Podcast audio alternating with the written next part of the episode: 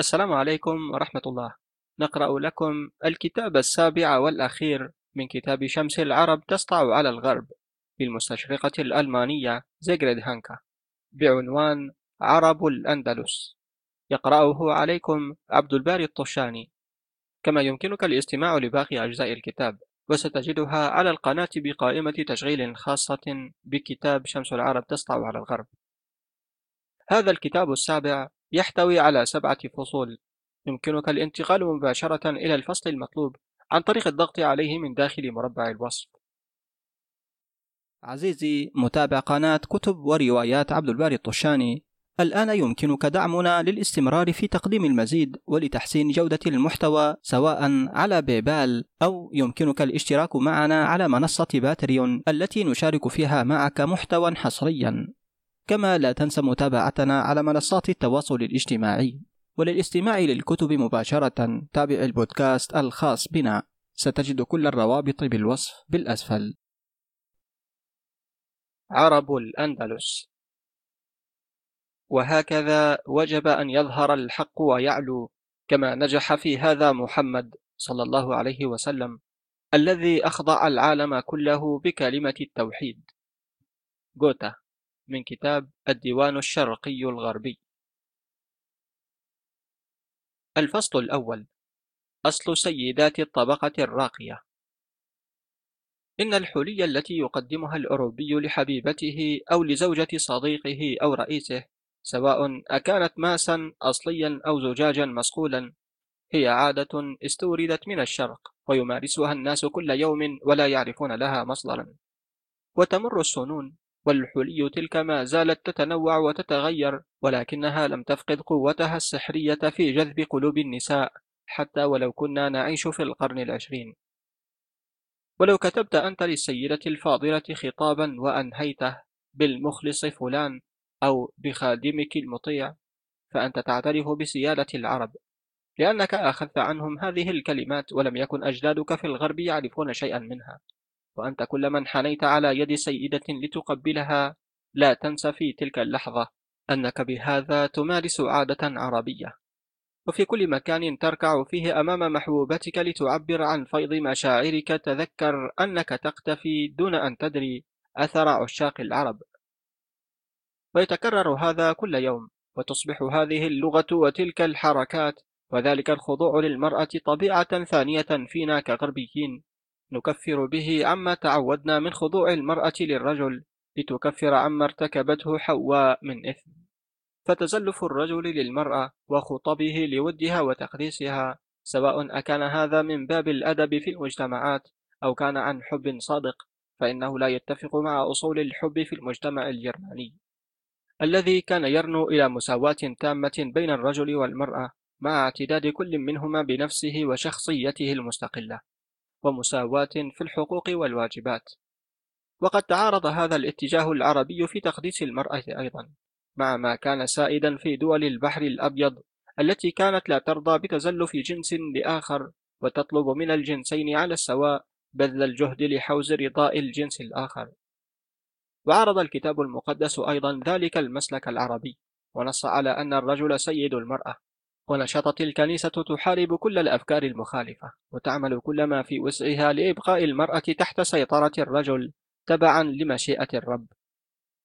وعلى الرغم من هذا فقد قاوم العرب كل التيارات المعادية واستطاعوا القضاء على هذا العداء للمرأة والطبيعة. وجعلوا من منهجهم مثالا احتذاه الغرب ولا يملك الآن منه فكاكا. وأصبح الاستمتاع بالجمال والغزل جزءا من حياة الأوروبيين شاءوا أم أبوا. ولكن أوليس هذا نوعا من المبالغة؟ وهل يعقل هذا الكلام؟ ثم ألم تعش نساء العرب منذ زمن بعيد مقيدات مظلومات لا يتمتعن بحقوقهن؟ ألم نسمع بالحريم كالسجن يملك فيه الرجل عددا كبيرا منهن ويقيم عليهن الحراس؟ ألم نسمع بنساء يزوجن دون أن يستشرن؟ وتكفي بضع كلمات يتفوه بها الرجل وقت ما شاء لتصبح المرأة طالقا تعود إلى عائلتها دون أي ذنب. والدين لا يمنع هذا. ألم نسمع بالمرأة تحمل الأمتعة وقد تقوس ظهرها في طريقها إلى السوق وزوجها الهمام يركب حماره منتفخ الأوداج بجوارها لا يعيرها أي التفات.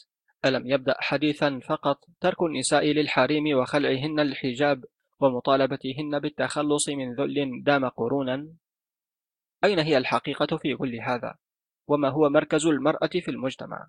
لقد أقبل حارث بن عوف أشجع فتيان قبيلة مرة إلى أوس بن حارثة وهو من أشراف العرب ليطلب يد إحدى بناته الثلاث ورفضت ابنتاه الكبيرتان هذا العرض أما الابنة الصغرى بهيسة فقد أجابت لكني والله الجميلة وجها الصناع يدا الرفيقة خلقا الحسيبة أبا فإن طلقني فلا أخلف الله عليه. من كتاب قصص العرب. ولكن الحارث لم يكد يقترب من عروسه حتى امتنعت عليه قائلة لا يصح هذا ونحن في جوار أبي فأمر الحارث بخلع الخيام وتحميل الجمال وغادروا المكان. وما أن أظلمت الدنيا حتى أمر الحارث بأن تنصب الخيام ليستريحوا الليل من وعثاء السفر. وحاول الحارث أن يعاشر عروسه معاشرة الأزواج ولكنها نهرته قائلة ما هذا؟ أتريد أن تعاملني معاملة جارية تشترى أو سبية تؤسر في الحرب؟ لن أسمح لك أن تقترب مني إلا بعد أن نحتفل بزواجنا بين قبيلتك وننحر الإبل والشياه للضيوف من كل القبائل فأمر الحارث بالرحيل وأسرع بالركب حتى وصلوا قبيلته وأسرع بدعوة الضيوف وأقام حفلا كبيرا ونحر الإبل والشياه كما طلبت إليه عروسه آنفا. ثم اقترب الحارث منها يريد ما وعدته ولكنها ردته عنها وقالت موبخة كيف تجد وقتا لمداعبة النساء؟ والعرب في الخارج تسيل دماؤهم في مذابح القتال بين ذبيان وعبس قبيلة أمي. أسرع بالخروج وحاول الإصلاح بين القبيلتين المتنازعتين ثم عد لزوجتك التي تنتظر عودتك على أحر من الجمر. فيركب الحارث إلى القبيلتين توا ويقدم من ماله الخاص دية كبيرة يقبلها الطرفان ويعود السلام بعد قتال عنيف دام بينهما أربعين عاما. لقد أحصى الحارث عدد القتلى في كل من القبيلتين ووعد القبيلة التي زاد عدد قتلاها عن الأخرى بثلاثة آلاف جمل. يدفعها لها من ماله خلال السنوات الثلاث القادمة كدية عن دم القتلى. وعاد الحارث محوطا بالإجلال والإكبار من الجميع إلى عروسه لتتقبله بالأحضان ولينجب منها البنين والبنات. ويسكت الراوي عن الكلام وتتصاعد من المستمعين كلمات الإعجاب. فقد صادف الحديث هوى في نفوسهم واتفق مع الصورة التي رسمتها مخيلتهم للمرأة العربية. وتمر السنون وتتعاقب الأجيال بعد وفاة الرسول صلى الله عليه وسلم الذي حطم أصنام الجاهلية ودعا إلى عبادة الله وحده لا شريك له. وبقي الناس في البلاط الأموي يتمتعون بسماع قصص الجاهلية ودور المرأة العربية في المجتمع. وما أحاط بها من بطولات. وظلت المرأة في الإسلام تحتل مكانة أعلى وأرفع مما احتلته في الجاهلية. ألم تكن خديجة رضي الله عنها زوج النبي الأولى التي عاش معها أربعة وعشرين عاما وأنجب منها ستة أطفال. أرملة لها شخصيتها ومالها ومكانتها الرفيعة في مجتمعها. لقد كانت خديجة نموذجا لشريفات العرب. أجاز لها الرسول أن تستزيد من العلم والمعرفة كالرجل تماما. فسار الركب وشاهد الناس سيدات يدرسن القانون والشرع. ويلقين المحاضرات في المساجد ويفسرن أحكام الدين. فكانت السيدة تنهي دراستها على يد كبار العلماء ثم تنال منهم تصريحا لتدرس هي بنفسها ما تعلمته. فتصبح الأستاذة الشيخة كما لمعت من بينهن أديبات وشاعرات. والناس لا ترى في ذلك غضاضة أو خروجا على التقاليد. إن النساء في صدر الإسلام لم يكن مظلومات أو مقيدات ولكن هل دام هذا طويلا؟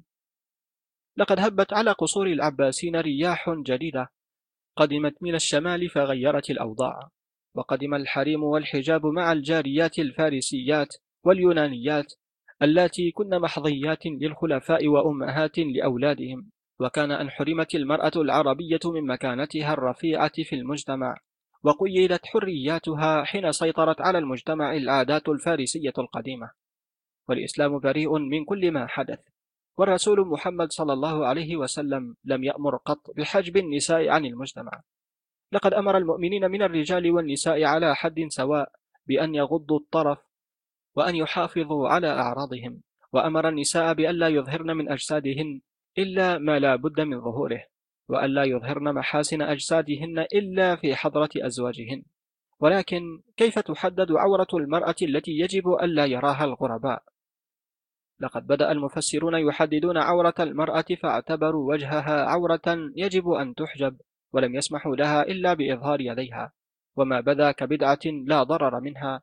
لم يلبث أن أصبح إجبارا يحتمه الدين والخلق. وشرعت القصور تعزل النساء في الحريم على غرار ما تعوده الفرس. وبدأ استيراد الخصيان لخدمتهن. كما كانت عليه الحال في بيزنطة قديما. وأصبح حجب النساء عن المجتمع وعدم مغادرتهن لبيوتهن مظهرا من مظاهر الأبهة والثراء. وهكذا كتب على النساء أن يبقين سجينات منازلهن باسم الدين. وساهم تعدد الزوجات في تهيئة الجو لتلك النكبة التي أصابت النساء على يد العباسيين. وكان تعدد الزوجات في الجاهلية ضرورة. اقتضتها ظروف المعيشة والرغبة في العدد الكبير من الأولاد لتقوية مركز القبيلة ولتوطيد العلاقات بين مختلف القبائل بالمصاهرة. وبظهور الإسلام استمرت تلك الضرورة نتيجة لبدء الفتوح. والواقع إن الفكرة أثبتت نجاحا كبيرا. ففي معركة نشبت بين الأمويين والبربر قدم البيت الأموي ما لا يقل عن عشرة آلاف مقاتل. وفي عهد المأمون كان البيت العباسي يزهو بأعضائه الذين بلغوا ثلاثة وثلاثين ألف فرد. وبعد تثبيت دعائم الدولة أصبح تعدد الزوجات سببا من أسباب فساد الدولة الإسلامية وانحدارها خاصة بعد انخفاض مركز المرأة في المجتمع. فخلف أسوار الحريم قضى تعدد الزوجات على ما كان للنساء من حرية ومكانة رفيعة. وتلهف الناس على الفتيات الخليعات يسلبن من شباب بغداد وتجارها نقودهم وسمعتهم بابتسامة ماكرة أو متعة رخيصة. كما كانت الحال في حانات الكوفة التي أنشأها تجار الرقيق واستوردوا لها الساقطات ودربوهن على ابتزاز أموال الرجال وكرامتهم.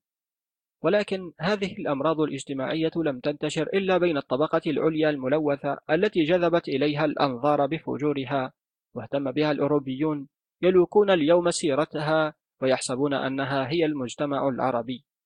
وكلما تعمقنا في طبقات الشعب العربي وضحت الصورة الأصلية وقل تأثير النفوذ الفارسي. فالبدوية لم تعرف الحجاب قط ولم تطأ قدمها أرض الحريم ولم تطأ قدمها أرض الحريم ولم تكن ظروف المعيشة في البداوة حتى بين العامة في الحضر لتسمح بمثل ذلك بل لم تكن لتسمح بزوجات أربع كما سمح بذلك الدين. فالإسلام قد قدس الزواج وطالب بالعدل بين الزوجتين أو الثلاث أو الأربع في المعاملة. بسم الله الرحمن الرحيم. وإن خفتم ألا تعدلوا فواحدة. والمشكلة لم تكن اقتصادية فحسب. فمؤرخو العرب يذكرون أن العربي الأصيل المؤمن لم يكن يتخذ إلا زوجة واحدة يبقى مخلصا لها وتبقى هي مخلصة له حتى يفرق بينهما الموت. وهكذا بقيت المرأة العربية كما كانت في الجاهلية وصدر الإسلام معتدة بنفسها وكرامتها طالما هي بعيدة عن تيارات المدينة وبقيت البدوية في القرون الإسلامية الأولى أكثر حرية وكرامة من سيدات الطبقة الراقية في قصور دمشق. ولا عجب أن تكره البدوية حياة المدينة وتحن إلى حياة البادية. وقد سمع معاوية ذات يوم صوتا حزينا ينبعث من مخدع زوجته ميسون يردد الأبيات الآتية ولبس عباءة وتقر عيني أحب إلي من لبس الشفوف وأكل كسيرة في حجر بيتي أحب إلي من أكل الرغيف. وخرق من بني عمي ضعيف أحب إلي من علج عنيف. وبيت تخفق الأرواح فيه أحب إلي من قصر منيف. فما كان من معاوية إلا أن أخلى سبيلها وأعطت ابنة الصحراء للبريق والحرير ظهرها غير نادمة. وأسرعت لموطنها حيث للمرأة مكانتها واحترامها. مكانة عالية واحترام زائد لم تعرفه المرأة الشرقية فيما بعد والذي لم يكن له نظير إلا في الأندلس العربية. بل لقد فاقت مكانة المرأة في الأندلس كل هذا. قناة كتب عبد الباري الطشاني على اليوتيوب. الفصل الثاني. العالم كله مسجد كبير بني لي. ازدهرت حضارة العرب في إسبانيا وبلغت أوجها برغم أنهم لم يجدوا فيها شيئا من الفكر أو الثقافة كما وجدوا في البلدان الأخرى التي فتحوها مثل مصر وسوريا والعراق وفارس. تلك البلدان التي مثلت شعوبها دورا كبيرا في مزج الحضارات الهيلينية والبيزنطية والفارسية والهندية بالحضارة العربية. وكان من المتوقع والمعقول أن تزدهر الحضارة العربية في مثل تلك البلدان أما في المغرب حيث البربر وفي إسبانيا حيث القوط الغربيون المتأخرون فلم يكن ثمة ما يبشر بأي خير ولم تكن هذه بالشعوب التي يتعلم منها القادمون من بلاد العرب أو من سوريا شيئا يفيدهم. وبرغم هذا فقد استطاع العرب أن يقدموا للبشرية أكبر دليل على أنهم أصحاب حضارة وأهل فكر وليسوا مجرد نقلة لحضارات الشعوب كحمار يحمل أسفارا كما تنادي بذلك بعض النظريات التاريخية الخاطئة المغرضة. ففي الأندلس لم يجد العرب شيئا بالمرة يتعلمونه ويهضمونه ليترجموه أو يقلدوه ثم يقدموه. فالحضارة الأندلسية التي كانت أجمل وأعظم من أن تقارن بغيرها لم تكن قائمة على أساس فارسي أو إغريقي. لقد كانت عربية صرفة أكثر من الحضارة العربية في أي مكان آخر وما إن انحسرت تلك الموجة الحضارية عن إسبانيا حتى هوت تلك البلاد في سكون مميت وفقر مدقع. فليس هناك من دليل أوضح من هذا على قدرة العرب على الخلق والابتكار. وفي خلال مدة حكمهم التي دامت حوالي 800 سنة خلقت الأسر العربية الحاكمة للأندلس حضارة زاهرة. وتسابق الأمويون في قرطبة وبنو عباد في إشبيليا وبنو نصر في غرناطة في بناء صرح الحضارة الشامخ بينما كان القسم من البربر والمسيحيين الذين أبوا أن يتعربوا يخربون في كل مكان لم يصل إليه العرب. كما أن التأثيرات الإيجابية بدأت تتسرب إلى المراكز الحكومية في دولة العباسيين بعد إنهائهم للحكم الأموي. وبقي الجيران على الجانب الآخر من البارانس قرنين وثلاثة وأربعة قرون يصمون آذانهم ويغمضون عيونهم عن جنة العلوم والبناء والغناء والشعر والمرأة في الأندلس. ورأوا في تلك الحضارة الزاهرة صورة قاتمة سوداء للكفرة من أصحاب محمد صلى الله عليه وسلم تضم السحرة وحلفاء الموت والشيطان. لقد كانوا في الواقع يخشون نور المعرفة على عيونهم التي اعتادت الظلام. ولكن تلك اليد السحرية لم تلبث أن لمست الغرب برغم أنفه لتهزه من سباته العميق.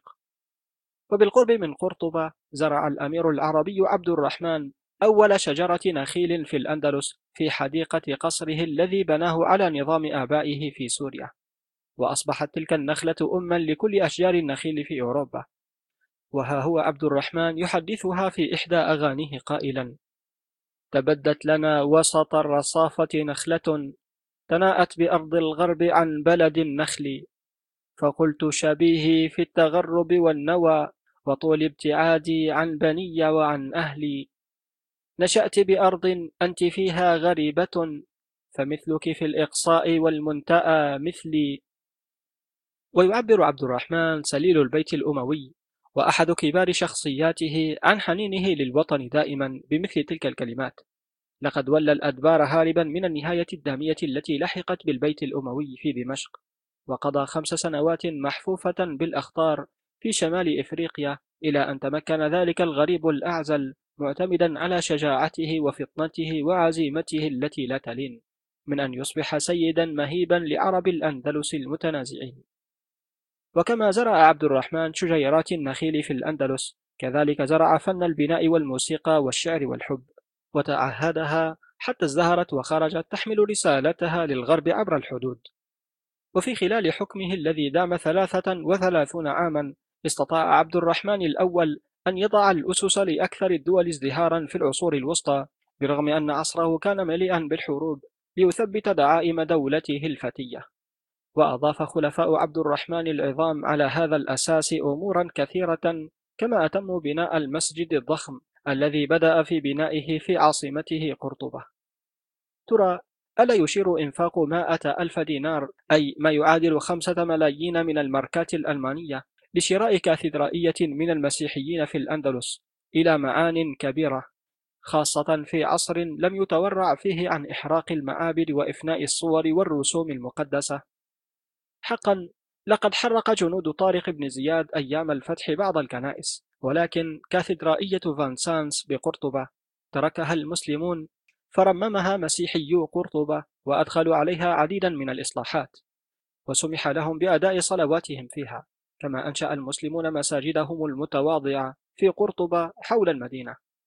ولكن تدفق المسلمين على قرطبة من المدينة المنورة وسوريا وغيرها زاد عدد السكان في المدينة إلى درجة جعلت من الضرورة بناء مسجد كبير لهم.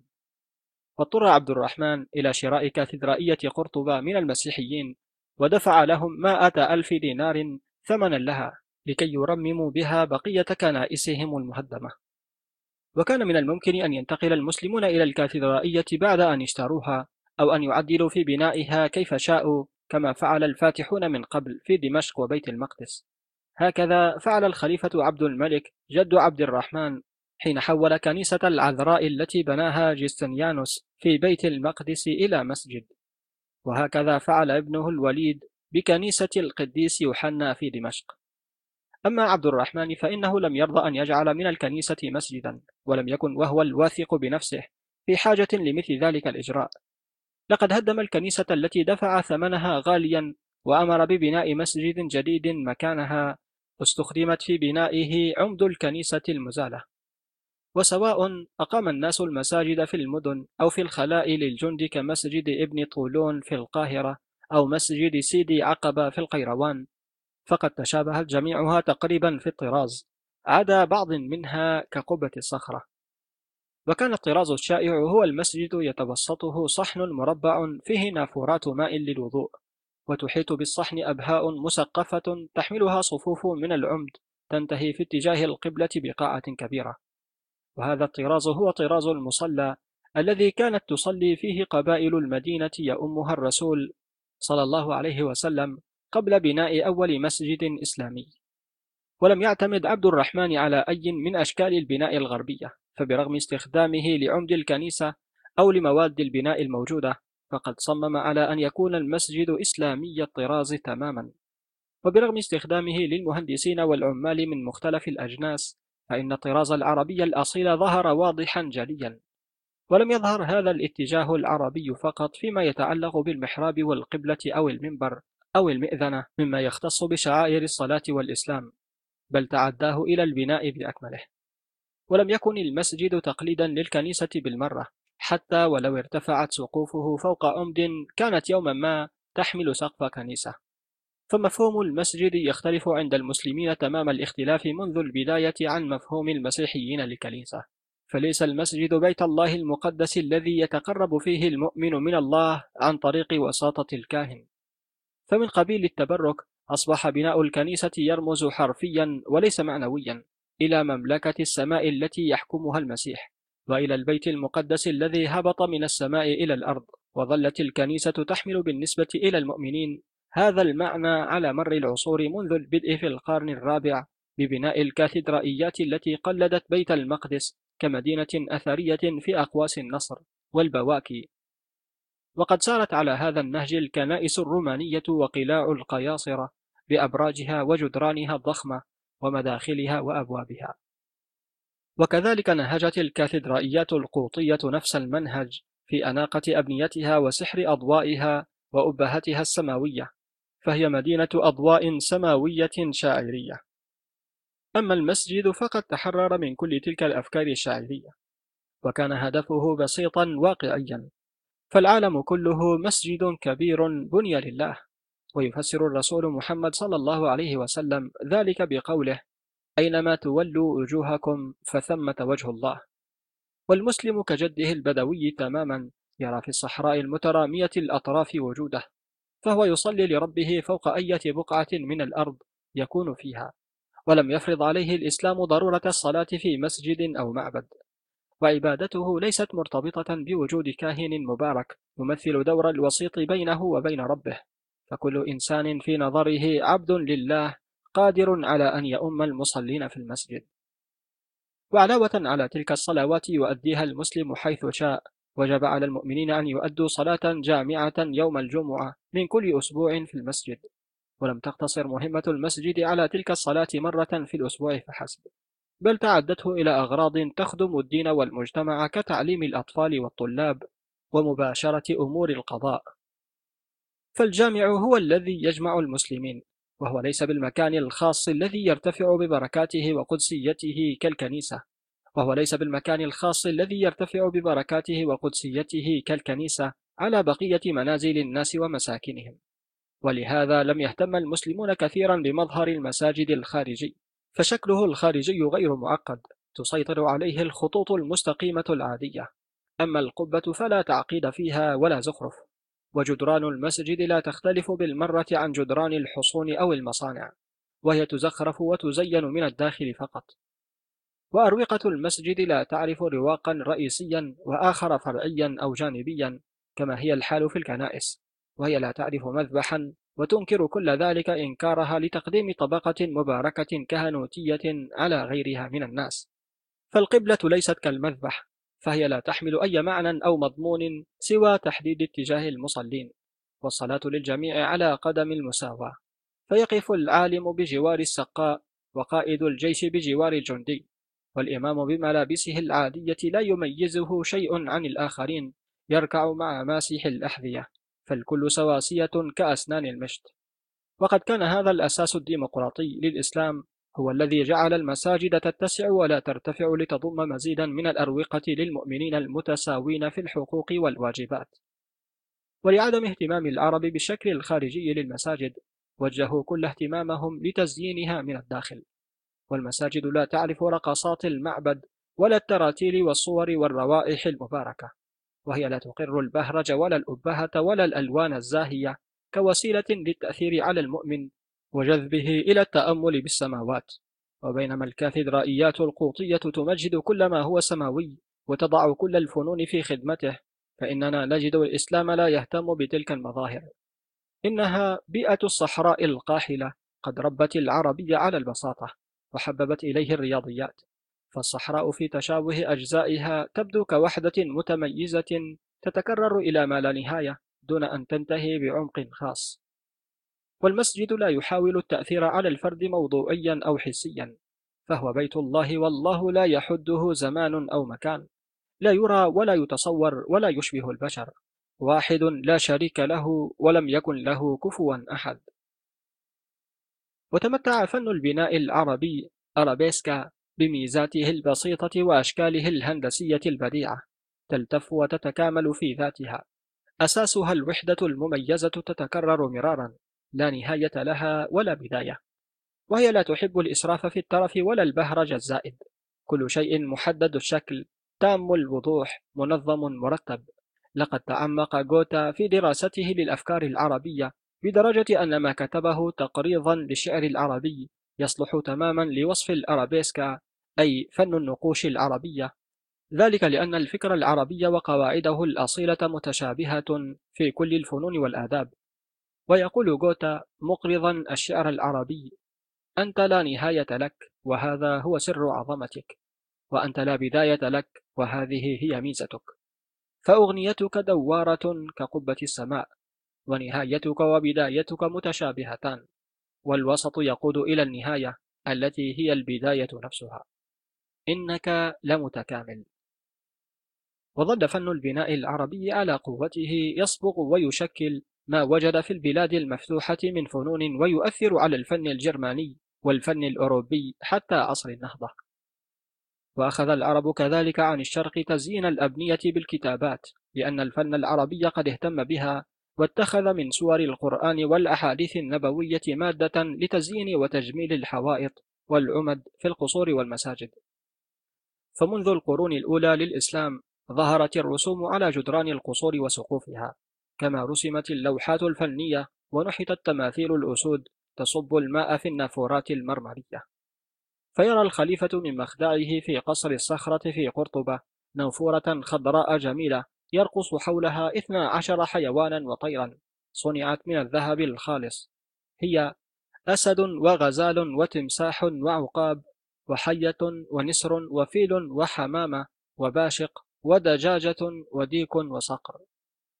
ولقد أبدع الفنان رسم تلك الصور عن الصيد والطراد كما لو كانوا قد غمسوا فراشيهم في ضوء الشمس ورسموا بها تلك اللوحات الجميلة. وزينت القصور بالرسوم والتماثيل للطيور والحيوانات والنباتات والبشر أيضا. وقد وجدت حتى في مسجد قرطبة رسوم لسور من القرآن تمثل قصة أصحاب الكهف وصورا لغراب نوح كما انتشرت رسوم الأسود والنسور. وبفن البناء العربي تأثر الغرب في تزيينه للسقوف والأقبية والأركان والعمد المستديرة ولم تعد العين لترى البناء نفسه من كثرة ما فيه من عقود وزينات. وحتى الحيطان لم تعد جرداء. ومثلت التأثيرات الفارسية في هذا دورا كبيرا لا يستهان به.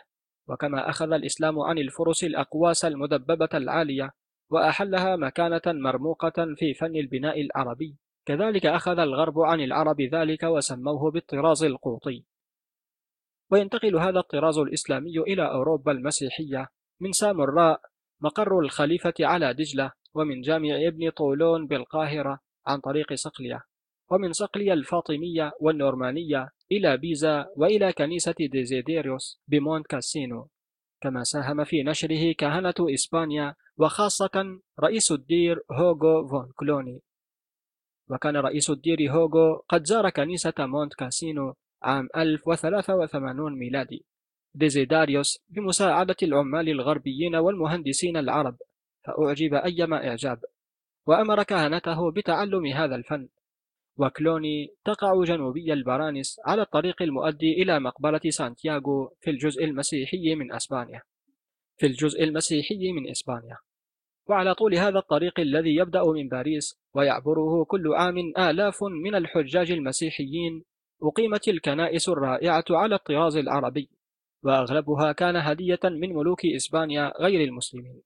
وعندما خرج المسلمون من الأندلس عين رئيس الأساقفة والكهنة من الفرنسيين وقدم أمراء إسبانيا المسيحيون ولاءهم لرئيس كنيسة كلوني وقدموا له الجزية. ولم تكن الجزية التي دفعوها مجرد أموال بل شملت كذلك العديد من الهدايا العربية مما سباه المسيحيون عند طرد العرب. وبمساعدة ألفونس السادس المالية استطاع هوجر أن يبني كنيسة ضخمة رائعة في كلوني وأمر بإقامة قداس على مذبح معين منها تذكارا لألفونس الذي تبرع بالمال. ولم تقتصر الأقواس العالية المدببة في الغرب على مجرد كونها أداة للتزيين كما كانت الحال عند العرب بل صارت في بيزا وكلوني ومونت كاسينو فكرة أساسية في البناء وأصبحت هي الأساس الأصيل للفن القوطي وأصبحت الكاتدرائيات على الطراز القوطي بأقواسه العالية المدببة طراز العصر واحتلت مكانة لم تحتلها في يوم من الأيام الأقواس الرومانية المستديرة. ولم تقوم تلك الأقواس القوطية بمفردها بل جلبت معها من إسبانيا أنواع أخرى من الأقواس أهمها الأقواس التي على شكل الزهرة ذات الورقات. وجلب ذلك الطراز من الأقواس معه ما نقله العرب عن الساسانيين من نوافذ صغيرة مستديرة الشكل. ومن تجديدات القرن التاسع في فن البناء أخذ الغرب فكرة العمود المكون من عمد صغيرة. ومن القاهرة عبر إيطاليا انتقلت الشرفات الصغيرة لتستقر فوق سطوح الأبنية القوطية كما أخذ الطراز القوطي عن الطراز العربي شكل المآذن بقاعدتها المربعة يعلوها جزء مثمن الأضلاع يعلوه جزء مستدير فبنوا على هذا الطراز أغلب أبراج الكنائس. من هذا نرى أن الطراز القوطي الذي عم أوروبا كلها عربي الأصل تماما ومن يريد صحة هذا فعليه فقط أن ينظر إلى أي من كنائس هذا العصر التي لا تزال ماثلة حتى اليوم. ومن يريد الحكم على هذا ينبغي له ألا ينظر إلى الأحجار ومصادرها بل يجب عليه أن يلاحظ اقتباس الأفكار وتطورها وسواء كان ذلك في فن البناء أو في أمور الفكر أو الدين أو الاقتصاد. ومثل هذا الاقتباس لا يمكن لشعب متطور أن يستغني عنه وهو لا يثبت العيب. بل خلاف ذلك هو الصواب إذ أنه يثبت حيوية الشعوب وقوتها على الابتكار والتطوير طالما هي لا تمحي ولا تفني شخصيتها فيما تقتبس. وإذا كنا نقول ذلك عن الفن القوطي فإن واجبنا كذلك يحتم علينا أن ننصف الحضارة الإسلامية بالمنطق نفسه. ولكننا تعودنا أن نقيس بمقياسين سواء في العلم أو في الفن. فنحن الغربيين حين نقيم الحضارة الغربية ننظر بعين الاعتبار إلى منهجها وليس إلى مصدرها. وحين نذكر الحضارة الغربية نقتصر على ما ينبع من الحضارتين الإغريقية والرومانية ونهمل ما عدا ذلك من المصادر الأخرى. إننا ندعي أن فننا القوطي لا يحمل من الفن العربي إلا النزر اليسير وأن الفن الروماني ليس تطورا للفنون الشرقية القديمة وفنون آسيا الصغرى. وإن صور الحيوانات في الفن الجرماني ليست في الأصل فنا آسيويا. ولا يمنعنا هذا من التمادي في الادعاء بأن الفن العربي ليس إلا تجميعا للفنون البابلية والبيزنطية والفارسية. إلى متى نظل متمسكين بتلك الآراء الخاطئة؟ ومن ملتقى الفكر الإسلامي العربي يندفع تيار فني إلى إنجلترا مباشرة.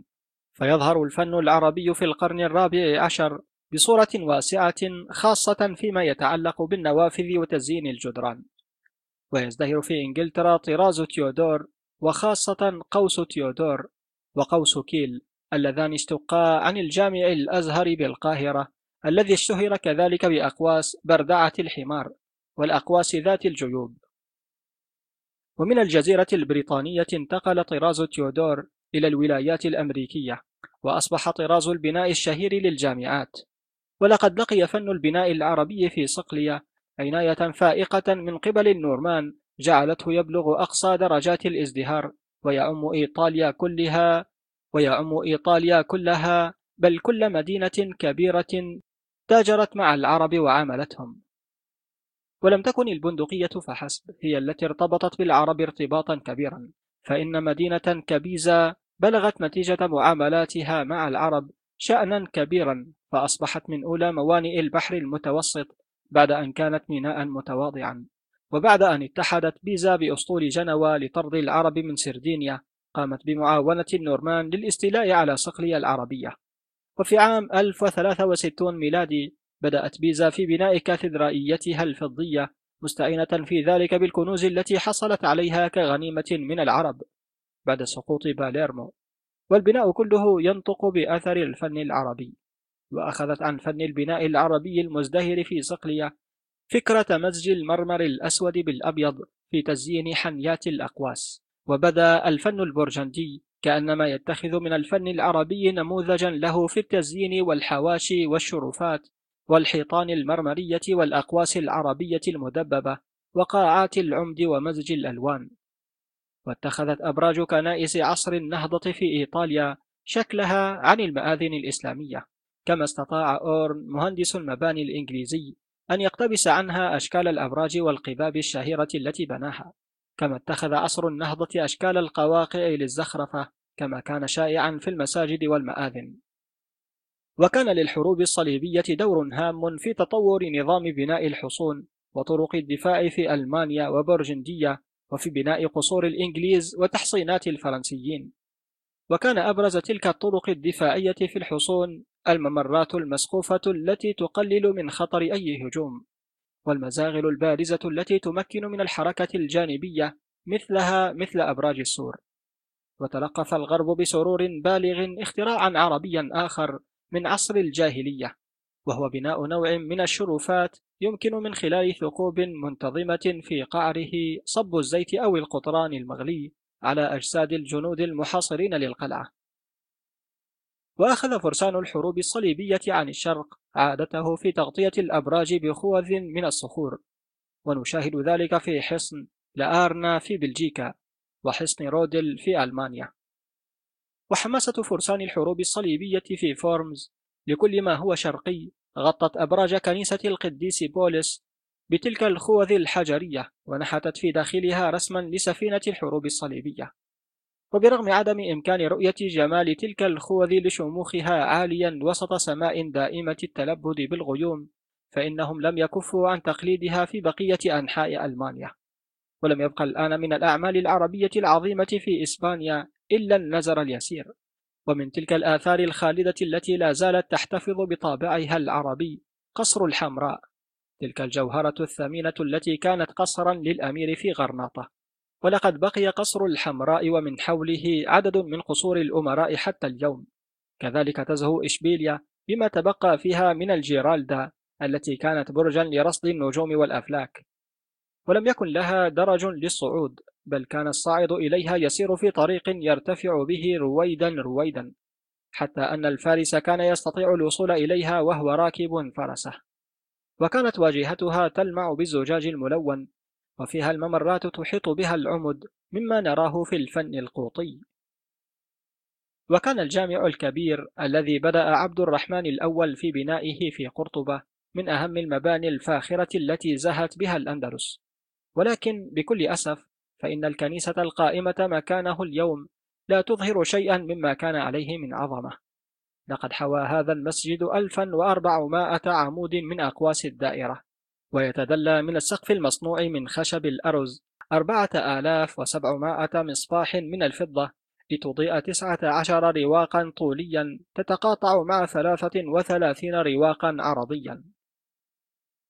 ولقد أتم الخليفة الورع هشام الأول أكبر أبناء عبد الرحمن البناء أكبر أبناء عبد الرحمن البناء الذي بدأه والده والذي كان يحوي أحد عشر رواقا كما بنى المئذنة المشهورة. أما الحكم الأول فكان محبا للملذات ولم يهتم بالمسجد وأبقاه على حاله ولم يضف إليه شيئا إلى أن تعاهده عبد الرحمن الثاني وكان محبا للفنون بعنايته فزاد من مساحة الأروقة وبنى له محرابا ثانيا. فقضى بأعماله هذه على بطالة كانت قد بدأت تتفشى بين العمال. وزين ابنه محمد الأول الجدران والأبواب وفصل بسور جزءا من المسجد كمقصورة خاصة له. وبنى خليفته عبد الله وكان مشهورا ببخله وطغيانه ممرا مسقوفا يصل قصره المجاور للمسجد بالمقصورة وخلفه عبد ثم الحكم الثاني وهما أعظم حكام الأندلس. فانتقلا بها من مجرد إمارة إلى أن أصبحت خلافة واسعة. ولقد بنيا مئذنة جديدة بعد أن حطمت الزلازل المئذنة القديمة. وزادا المسجد اتساعا في اتجاه الجنوب وبنيا مقصورة جديدة ومحرابا آخر. وأضاف المنصور أثناء وصايته على هشام الثاني ثمانية أروقة للمسجد من الجهة الشرقية. مما استلزم هدم عدد من المنازل المجاورة دفع لأصحابها على عادة العرب تعويضات باهظة. وهكذا صاحب ازدهار فن البناء دولة الأمويين في إسبانيا في طريق مجدها. ولم يقتصر اهتمامهم على فن البناء فحسب بل تعداه أيضا إلى الموسيقى. تعليق أوردت المؤلفة في الصفحات السابقة كلاما يوحي بأن الإسلام لم يحرم الصور والنحت والصواب أن الإسلام حرم التماثيل بإجماع علماء الدين الإسلامي. أما الصور المسطحة فقد اختلفوا في حلها وحرمتها. هذا بالنسبة لتصوير ذي الروح. أما الجماد كالنبات وغيره فتصويره حلال بالإجماع سواء بالنحت أو بالرسم. قناة كتب عبد الباري الطشاني على اليوتيوب. الفصل الثالث. الحياة على نغمات الموسيقى. لقد أثار الرجل المسافر في كانون الأول ديسمبر عام 822 ميلادي إلى الأندلس على سفينة حملته من سبتة عبر مضيق جبل طارق انتباه جميع المسافرين بشكله الغريب اللطيف. لقد كان يرتدي قبعة فروية فوق شعره المقصوص بشكل دائري. تغطي جبهته حتى الحواجب ولا تترك من وجهه ظاهرا سوى أذنيه. ولقد أعجبهم فيه عثنونه المدبب المائل إلى الحمرة ونظرات عيونه الوضاء كما جذبتهم إليه رائحة طيب نفاذة ذكية. ولقد سافر الرجل معهم بنسائه الجميلات وأطفاله ولقد سافر الرجل معهم بنسائه الجميلات وأطفاله يملؤون الجو صراخا وصخبا. لم يكن ذلك المسافر بحاجة إلى أن يترك بغداد عاصمة الشرق بنسائه وعياله. فإن كرم الرشيد وتكريمه للعلماء والفنانين كان قد بلغ حين ذاك ذروته. ولكن الحقد والحسد أفسدا على زرياب فرصته هناك. لقد أراد إسحاق بن إبراهيم الموصلي أن ينال حظوته عند الرشيد بتقديمه لتلميذه زرياب. وكان إسحاق قد بز كل حانات الكوفة بمدرسته الموسيقية التي ضمت أجمل الجواري والتي كان يعلم فيها تلاميذه وتلميذاته على السواء أصول الموسيقى. وكان الفتى الكردي زرياب ألمع تلاميذ مدرسته فقد امتاز بقدرته الفائقة في الموسيقى والجدل والفكاهة فضلا عن لسان سليط ورأس مفكر. وعندما سأله هارون الرشيد عن فنه في الغناء أجاب زرياب إنني أستطيع الغناء تماما كما يستطيعه الآخرون ولكنني أستطيع شيئا لا يقدر عليه غيري. إن فني الخاص لا يفهمه إلا من تبحر في فن الغناء مثل مولاي الخليفة. فإن آذنت لي غنيت أمامكم ما لم يغنه أحد من قبل. وهنا ناوله إسحاق عوده ليعزف عليه. ولكن زرياب تناول عود معلمه ونظر إليه كما ينظر الإنسان لحذاء بال. ثم قال للخليفة إن شاء مولاي سماع أغنية من طراز ما يغني معلمي فسأعزف على عوده. وإن شاء مولاي معرفة نوع الغناء الذي ابتكرته فيجب أن أعزف على عودي الذي صنعته بيدي. وبإذن من هارون عزف زرياب على عوده الخاص وغنى قصيدة ألفها هو في مدح الخليفة. وسر الخليفة أيما سرور وكان لا بد وأن يزين بلاطه بذلك الصوت الشجي. وبلغ الغضب بمعلمه إسحاق مبلغا كبيرا لأنه قد آهانه في حضرة الخليفة واستصغر من شأنه. فلم يكادا ينفردان بعد أن انصرفا من عند هارون الرشيد حتى صاح في زرياب. لقد حاولت النيل مني عند الخليفة وعليك الآن أن ترحل من هنا فأعطيك ما تشاء من مال وإلا فستكون في خطر على حياتك ومالك. وما إن أبدى الخليفة رغبته في رؤية زرياب مرة أخرى حتى رد عليه إسحاق قائلا إن زرياب مسكين تنتابه حالات جنونية فيدعي أنه لا مثيل له في العالم.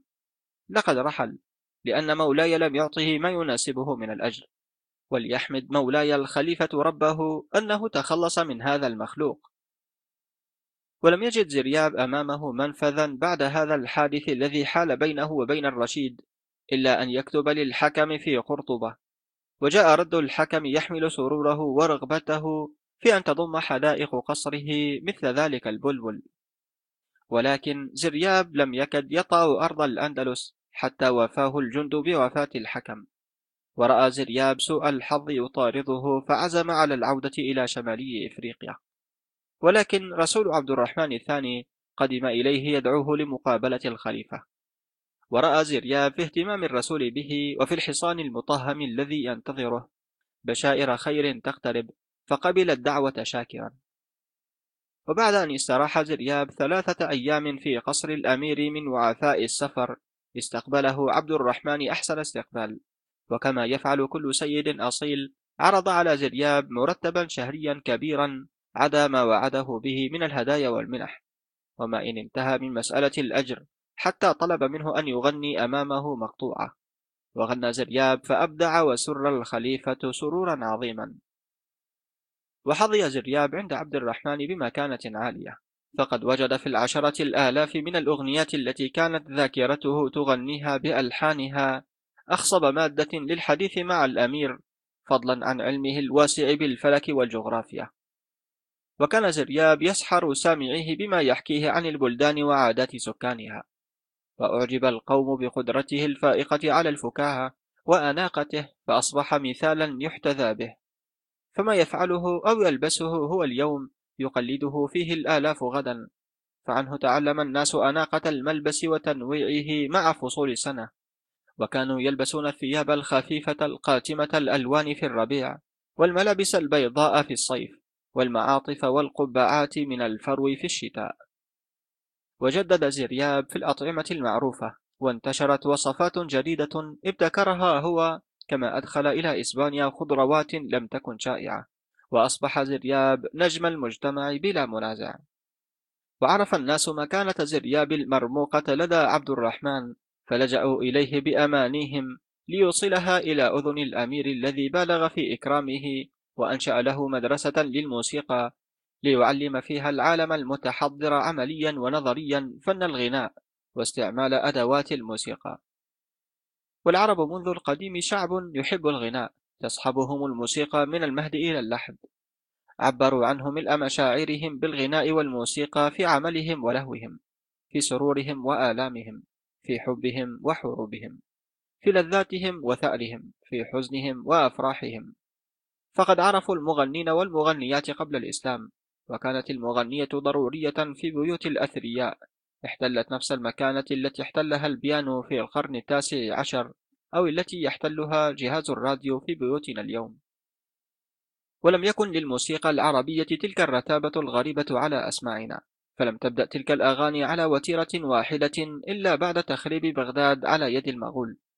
وهنا بدأ نظام الربع نغمة وهو ليس في الأصل بعربي. فالألحان العربية على النقيض من هذا تماما. غنية ممتعة. شأنها في ذلك شأن كل فنون الزينة عند العرب في البناء وغيره. واستخدم العرب حتى القرن الثالث عشر السلم الموسيقي الذي وضعه فيثاغورس والظاهر أن هذا السلم سامي الأصل. دخلت عليه تأثيرات فارسية وبيزنطية. وما كان لهذا السلم المستورد أن يحل محل الموسيقى العربية. وإنما طعم بجذور عربية لينبت نبتا جديدا. وكان طابع الموسيقى العربية المميز هو الإيقاع المنتظم والإيقاع ليس طابعا ضروريا لكل أنواع الموسيقى كما قد يتبادر إلى الأذهان. فموسيقى الأغاني عند الرومان والإغريق لم يكن طابعها الإيقاع بل قسمت تماما كأشعارهم تبعا للطول والقصر. ولم يكن الإيقاع طابع موسيقى الكنائس المتتابعة أوائل العصور الوسطى بل ولم تكن تقسم حسب الطول والقصر. فالإيقاع شرقي أصيل وهو الذي أدى إلى تنظيم حقول النغم. والكندي فيلسوف العرب هو أول من وصف ذلك في منتصف القرن التاسع. وعن طريق المغنين الدائمي الترحال والسبايا من نساء الأندلس بدأت النظريات العربية الإسبانية تظهر في الموسيقى اللاتينية في القرنين الثاني عشر والثالث عشر كما ورث الغرب عن العرب زخرفة الألحان. وبقي العرب لموسيقاهم أوفياء وكان حبهم لموسيقى الغناء أكبر من حبهم للموسيقى الآلية. وبرغم هذا فإن أوروبا مدينة للعرب. بالكثير من الآلات الموسيقية خاصة بعدما قدمت لها بيزنطية الأرغن والسنطور والهارب. وعندما يقف قائد الجوقة الموسيقية اليوم المايسترو ليعزف سيمفونية لبروكنز أو الهند ميت فعليه أن يذكر أن الآلات المرصوصة أمامه أغلبها عربي الأصل. وردت إلى أوروبا محكمة الصنع عبر إسبانيا. تحمل معها أسماءها للعالم الغربي. فمن الآلات الوترية العود والمندولا والمندولينا والبندورا. ومن الآلات الوترية ذات القوس الربابة والربك والربيبة. ومن آلات النفخ الناي الصغير والناي الخشبي ذو المبسم والنفير والتنبول والبوق والهورن. ومن الطبول الطبل والطبلة والصنوج والنقارة. وقد صمم الفارابي وهو أيضا من علماء الموسيقى العرب في النصف الأول من القرن العاشر القانون والقانون الذي هو أصل البيانو فيما بعد.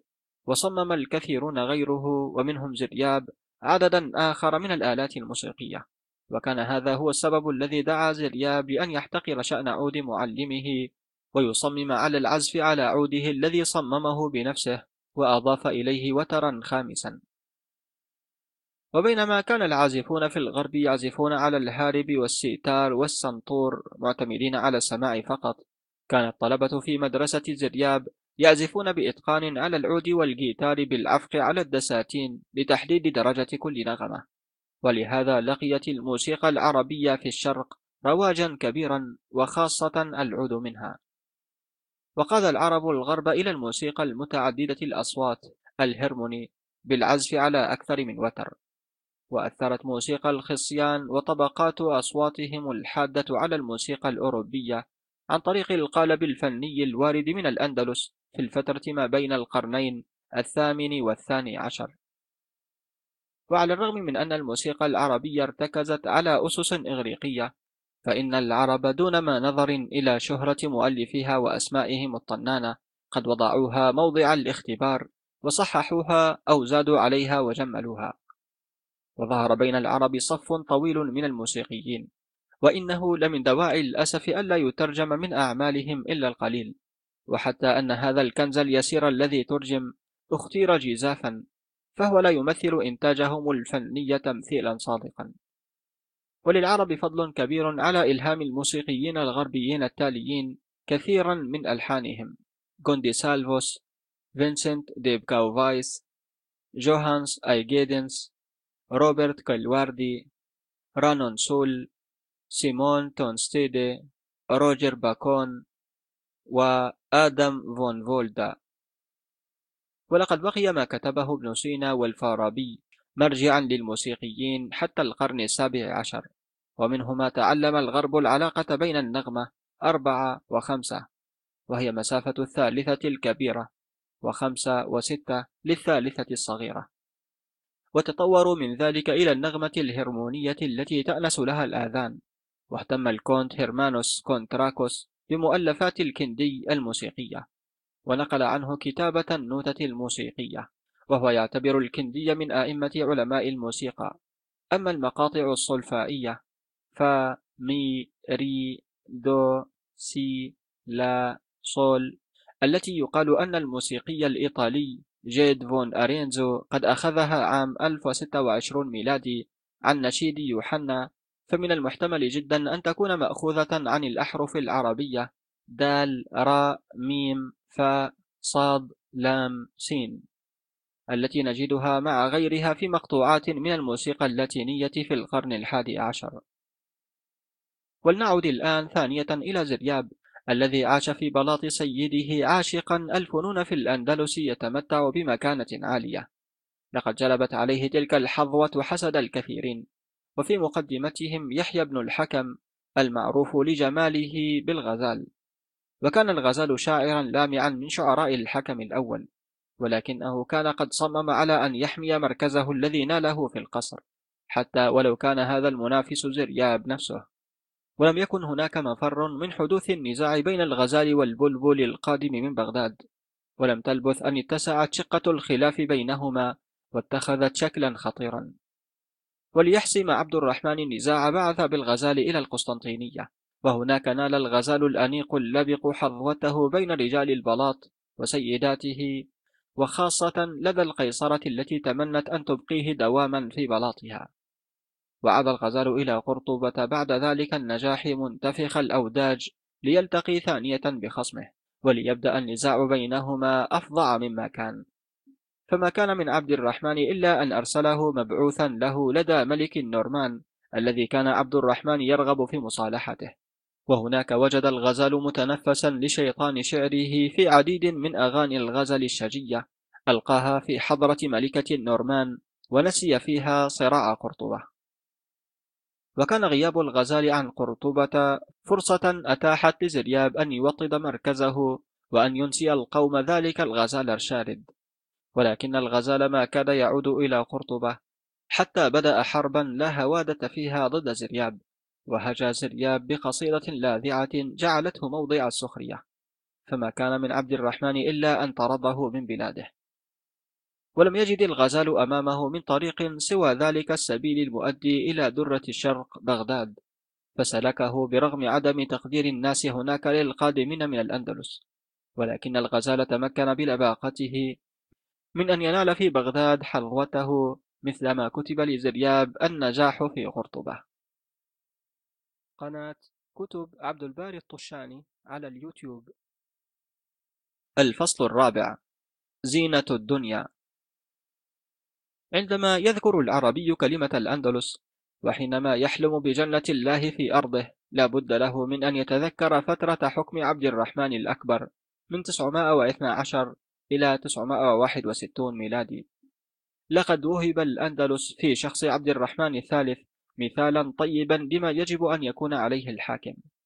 لقد خلق عبد الرحمن في الخمسين عاما التي حكمها من الأمة المنقسمة على نفسها دينيا وجنسيا شعبا متحدا قاد العالم في طريق التقدم والرقي ولم تستطع الخلافات السياسية ولا الصراع الداخلي بين المتحررين والمتحفظين في الداخل من أن يمنع الحضارة المزدهرة أو يعوق تقدمها. واستمر مستوى المعيشة في الارتفاع بفضل المجهود الكبير الذي بذل في التعمير وري الأراضي وعرفت عين العرب الخبيرة قيمة الكنوز التي يمكن اكتسابها من أرض الأندلس لو أحسن الانتفاع فيها. فحفروا الآبار واختطوا السواقي التي تراوح محيط عجلاتها بين عشرين وثلاثين مترا. وتلقوا مياه الجبال المتساقطة في أحواض كبيرة. بلغت مساحة بعضها خمسة كيلو مترات مربعة. تختزن المياه لوقت الحاجة. تخرج في قنوات ضخمة توزعها على الحقول حسب الحاجة. وهكذا عمروا مرتفعات وسفوح جبال ما كان أحد يظن أنه يمكن أن يستفاد منها في الزراعة لجفافها الدائم. وعلموا المزارعين طرق زراعة ورعاية التفاح والخوخ واللوز والمشمش والبرتقال والكستناء والموز والنخيل والبطيخ. كما اهتموا اهتماما خاصا بالقطن وقصب السكر وغيرها من النباتات والأشجار التي ما زالت حتى اليوم تمثل جزءا هاما من صادرات إسبانيا. وما فتئت حتى اليوم أسماء كثيرة من الأدوات في الحقل الإسباني تحمل أسماء عربية ولم يترك العرب شبرا من الأرض إلا واستثمروه. وبفضل كل تلك الجهود في الزراعة كانت الأرض زمن عبد الرحمن الثالث تنتج ثلاثة أو أربعة مواسم كل عام واهتم الشعب العربي خاصة بتربية الحيوان وهو الذي ألف طوال حياته الإبل والخيل. وكان العرب أول من أجرى التجارب ومارس التفريخ الصناعي مما نعرفه نحن اليوم في القرن العشرين. كما اهتم العرب بالمناجم التي ظلت آلاف السنين لا تمس منذ استغلها الفينيقيون القدماء. فاستخرج العرب منها كميات هائلة من الحديد الخام والنحاس والزئبق. وبدأت صناعات عدة تنتشر في جميع أنحاء البلاد مما لم يكن للغرب فيها أي دراية. وأصبح كل أندلسي يركب بغلته مختالا وقد أراحه الخير العميم من عناء السير الشاق على الأقدام.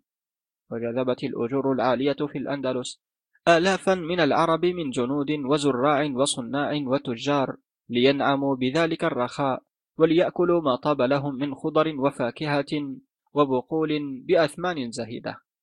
وزاد عدد السكان في الجزء العربي من إسبانيا عام 950 ميلادي على 30 مليون نسمة. وانتشرت حول قرطبة آلاف من القرى وقد عمها جميعا رخاء وازدهار. ذلك أن الأندلس منذ فصلها الأمويين عن دار الخلافة ببغداد لم تعد ترسل للخليفة العباسي مالا من دخل الضرائب والمكوس واستقلت بميزانيتها الضخمة لرفاهية أهلها.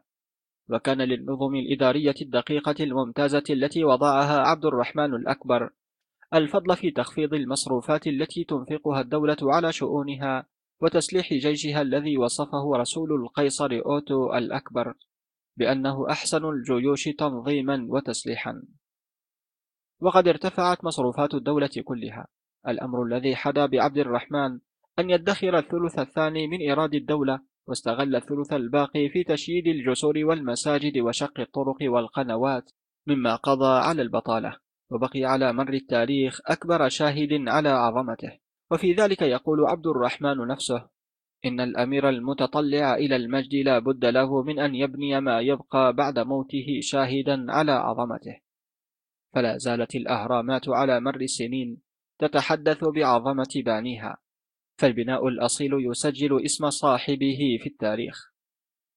وكانت مدينة الزهراء التي أسسها عبد الرحمن بالقرب من قرطبة بحدائقها الغناء وقصورها الفاخرة المزينة بالذهب والمرمر والبلور وخشب الأبانوس والجواهر النادرة.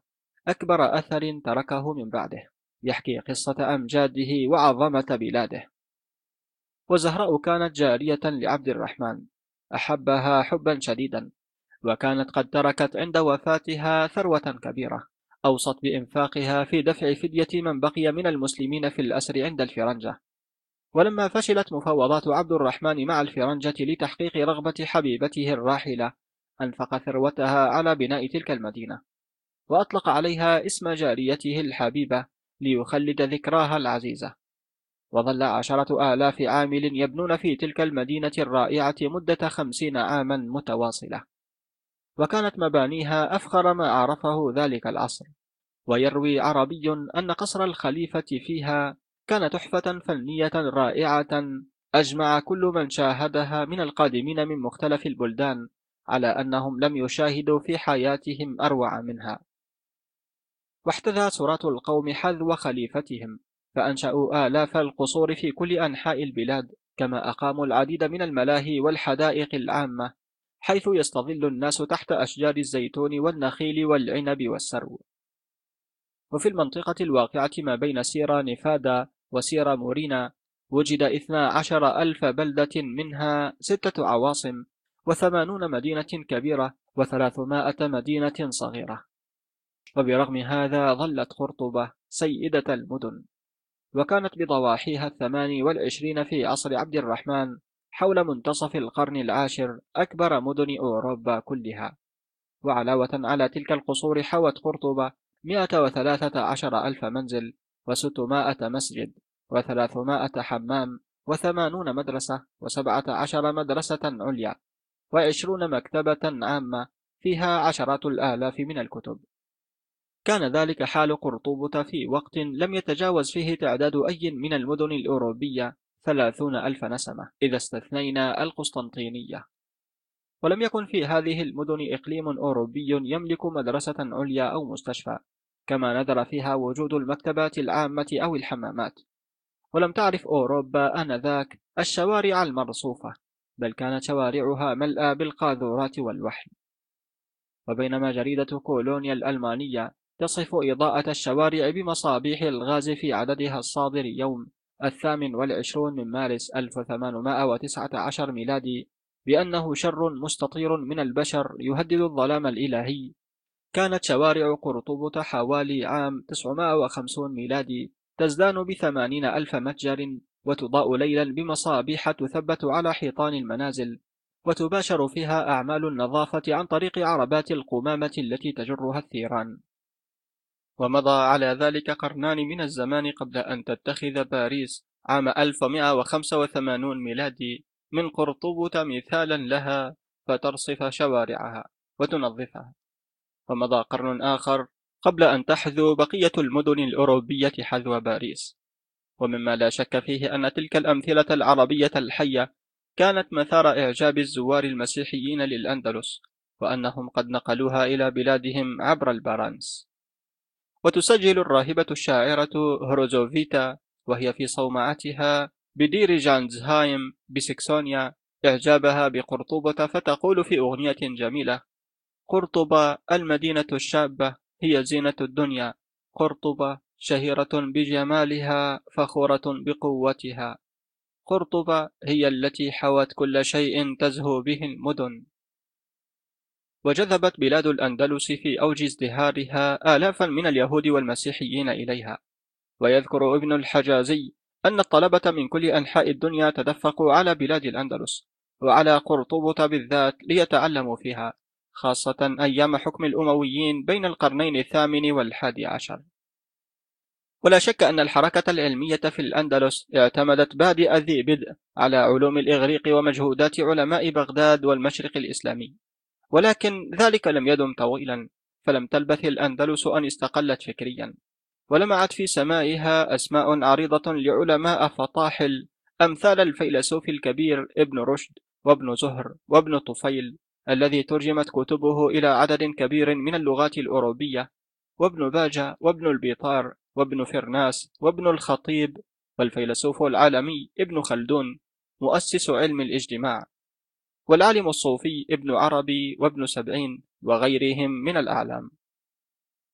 وكان للحكم الثاني أكبر الفضل في بدء تلك الحركة العلمية فقد اهتم اهتماما كبيرا بتثقيف شعبه. وإذا كان أبوه عبد الرحمن قد اهتم بالسياسة والاقتصاد فقد جعل الحكم كل هدفه السير بالأندلس قدما في طريق العلم والمعرفة ليتبوأ أعلى مكانة بين الأمم المتحضرة. ولا تعني أن أسلاف الحكم لم يهتموا بالحركة العلمية. لقد كانوا هم الذين جعلوا من كل مسجد مدرسة وأنشأوا في كل حي دارا للكتب وزودوها بمئات الألوف من الكتب التي جعلوها في متناول الجميع. ولكننا نعني أن الحكم قد بلغ الذروة بما قدمه للعلم والعلماء. لقد أنشأ على سبيل المثال 27 مدرسة جديدة يتعلم فيها أبناء الفقراء مجانا. ودفع من ماله الخاص أجور معلميها كما ساهم بنفسه في كل نواحي النشاط العلمي والأدبي في قرطبة.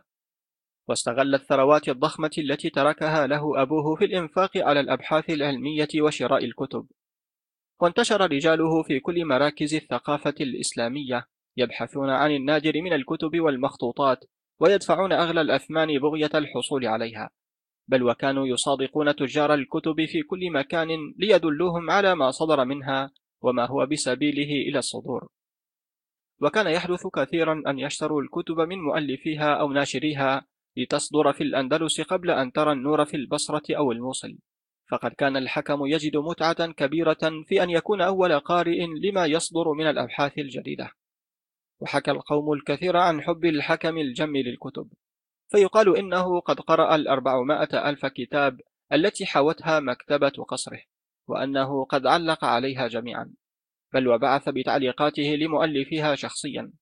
والواقع أن الحكم كان حجة في الأدب والتاريخ وجد فيه علماء عصره زميلا كفيا وراعيا كريما فوفدوا إليه زرافات ووحدانا عبر البحر والصحراء.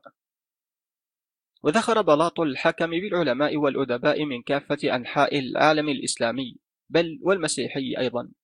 ففي خلال فترة ولايته للعهد ألف الأسقف جودمار الجيروني كتابا بالعربية عن تاريخ الفرنجة كما ألف ربيع بن سعيد الأسقف كتابا عن العلوم الطبيعية باللغة العربية ترجمه جيرارد الكريموني إلى اللاتينية. ولم يكن ربيع بن سعيد هذا إلا أسقف قرطبة ريكيدا موندوس الذي بعثه عبد الرحمن الثالث عام 955 ميلادي كمندوب عنده للقيصر أوتو الأكبر. ولم يكن الحكم الثاني هو حاكم الأندلس الوحيد الذي اهتم بالعلم كل ذلك الاهتمام. فقد شاركه ذلك المجد عدد كبير من الأمراء. فالمظفر ملك بطليوس أخرج مائة مجلة تحوي كل علوم عصره. والمقتدر ملك سراقسطة كان فيلسوفا وعالما فذا في الفلك والرياضيات. وتنافس الأمراء على الكتب والعلماء ولم يكن أحد ليتولى أي منصب هام من مناصب الدولة دون أن يكون قد أثبت حبه وولعه بالعلم والكتب. وانهارت دولة الأمويين بالأندلس عام 1031 ميلادي وانتهت خلافة قرطبة. وبرغم هذا فقد بقي الأمراء الجدد في إشبيليا وغرناطة في صراع دائم وتنافس شديد يحيون الآداب والعلوم والفنون. وكان للشعر الذي هو للعربي بمثابة الماء والهواء حظ كبير في الأندلس وكان الأمراء أنفسهم شعراء ممتازين. تصحيح وهمت المؤلفة في أن الجارية التي تركت المال هي الزهراء. والواقع أن جارية أخرى هي التي تركت مالا كثيرا فأمر الناصر أن يفك به أسر المسلمين وطلب في بلاد الإفرنج أسيرا فلم يوجد.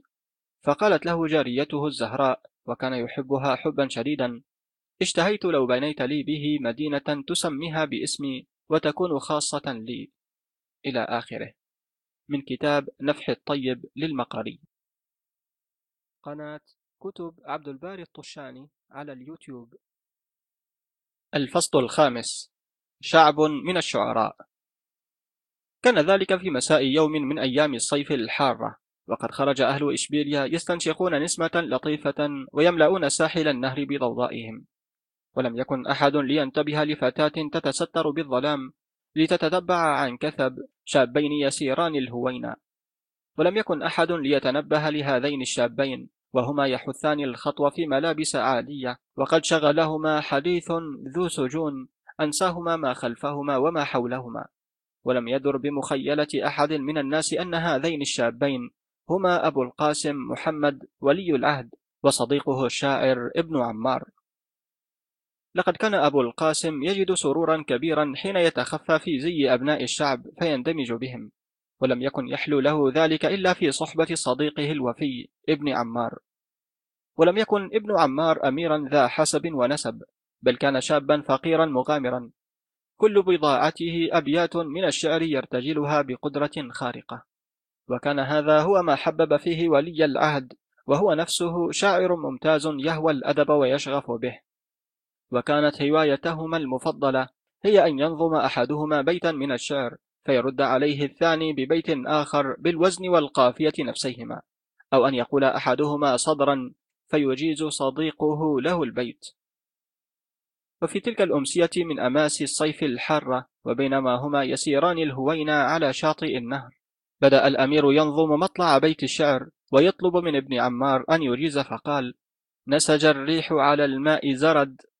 ثم وجه كلامه لابن عمار قائلا أجز. ولكن ابن عمار أبطأ في الرد عليه ولم تسعفه قريحته ولا نجده شيطان شعره. وسادت فترة من الصمت الحائر قطعها صوت ملائكي جميل انبعث من خلفهما ليكمل لهما بيت الشعر الذي حار ابن عمار في إكماله. وكان ما جاءهما أي درع لقتال لو جمد. وبهت الشابان اللذان لم يشعرا بتلك الفتاة تتبعهما عن كثب إلا في تلك اللحظة التي تكلمت فيها.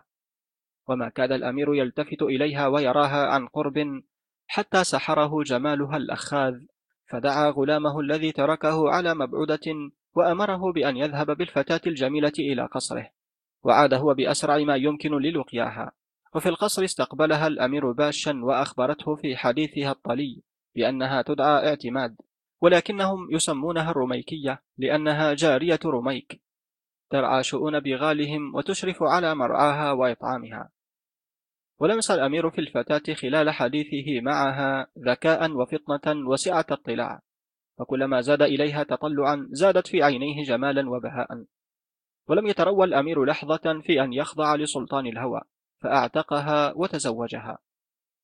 ولما كان حب اعتماد قد ملك عليه قلبه فقد تسمى في ذلك اليوم بالمعتمد تيمنا باسمها وأصبح كشاعر علما بين ملوك العرب وخلفائهم. ولقد ظل حبهما الذي بدأ بنظم بيت من الشعر مضرب الأمثال ما دامت بهما الحياة. لقد قام الشعر بدور كبير في حياة أولئك القوم. فصداقة الأمير بابن عمار بدأت مثلا بقصيدة من الشعر. أدر الزجاجة فالنسيم قد انبرى والنجم قد صرف العينان عن السرى والصبح قد أهدى لنا كافوره. لما استرد الليل منا العنبرا. وأنقذت إحدى القصائد التي نظمها أبو القاسم حياته حين غضب عليه المعتضد ملك إشبيليا ورمى به في السجن فراح ينتظر الحكم بإعدامه لأنه بإهماله قد أفنى جيشه وخسر المعركة. وبرغم قسوة الملك وشدته فقد لأن قلبه لشعر أبي القاسم وأطلق سراحه. وجيء يوما إلى المنصور بموظف شاب اختلس أموال الدولة. وسأله المنصور كيف سولت لك نفسك سرقة أموال الخليفة؟ وأجاب الشاب بحماقة القدر أقوى من الإرادة والفقر يغلب الفضيلة.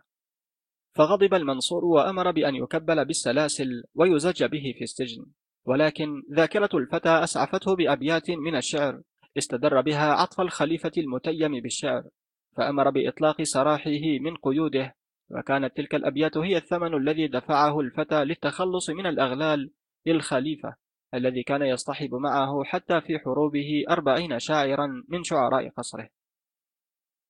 وما إن سمع الفتى أمر فك أغلاله حتى ارتجل أبياتا يشكر فيها الخليفة ويتمنى أن تكون الجنة مقرة. وهنا أمر الخليفة بإطلاق سراح الفتى نهائيا وعدم تنفيذ أي عقوبة فيه وإعفائه من إعادة ما سرقه. وحتى عامة الناس سلب الشعر لبهم فيحكى أن رجلا اسمه عبد الوهاب خرج مع صديق له من ملقة بغية التنزه سيرا على الأقدام وفي الطريق ارتجل الصديق أبياتا من الشعر ما إن سمعها عبد الوهاب حتى صاح صيحة الإعجاب وخر مغشيا عليه من الانفعال ولما عاد إلى نفسه اعتذر لصاحبه بأن الشعر الجيد والوجه الجميل يخرجانه دائما من إهابه فلا يستطيع أن يملك زمام نفسه. وكانت أشعار ابن الخطيب هي سبيله الوحيد لاحتلال أعلى مكانة عند الأمير. وابن الخطيب هو الطبيب الفيلسوف الذي شرح للغرب وسائل مكافحة الطاعون وطرق العدوى. واشتهر ابن الخطيب بأشعاره وأسلوبه الممتاز في كتابة رسائل الدولة لحكام البلاد الأخرى. ولقد قدم لسيده ملك غرناطة أكبر الخدمات برسالتيه اللتين بعث بهما إلى سلطان مراكش. واستدر بهما عطف السلطان ودموع رجال بلاطه فبعثوا لملك غرناطة بالمعونة المطلوبة التي أنقذت عرشه وبلاده.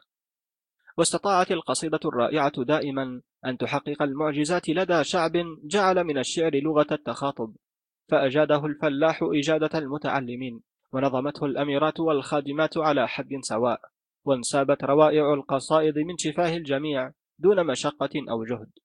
صياد السمك يتغنى بالأشعار والعامل البسيط يشغل وقت فراغه بنظم الشعر والفلاح يرتجله وهو يسير خلف محراثه ويخرج أبو بكر بن المنخل للتنزه مع ابنه الصغير ذات مساء بواد ويسمعان نقيق الضفادع. وجعل أبو بكر يقول لابنه أجز تنق ضفادع الوادي فقال ابنه بصوت غير معتاد. فقال الشيخ كأن نقيق مقولها. فقال ابنه بنو الملاح في الوادي. فلما أحست الضفادع بهما صمتت فقال أبو بكر وتصمت مثل صمتهم؟ فقال ابنه إذا اجتمعوا على زادي. قال الشيخ فلا غوث لملهوف فقال ابنه ولا غيث لمرتادي من كتاب قصص العرب. وبين هذا الشعب الذي ألف أطفاله نظم الشعر يصعب علينا اليوم أن نتحدث عن شعرائهم. فالكل شاعر يقرض الشعر ويرتجله فجميع الملوك والوزراء ورجال الدولة والبلاد ورجال السيف والقلم قد نظموا الشعر وتغنوا به. وحين نتحدث عن شعب من الشعراء لابد لنا أن نذكر الشعب العربي قبل الإسلام والشعب العربي في الأندلس. فإنه هنا وهناك جعل من الشعر المرتجل لغة ثانية للتفاهم والمعاملة. أعانهم على ذلك سهولة اللغة العربية في الوزن والقافية.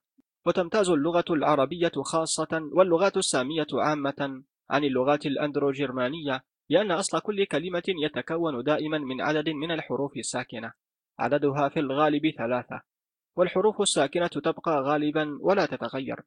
أما الحروف المتحركة فهي التي تتغير تبعا للمعنى وخضوعا لقواعد اللغة وهي تدخل على جميع الحروف الساكنة في الكلمات المختلفة بطريقة واحدة تقريبا.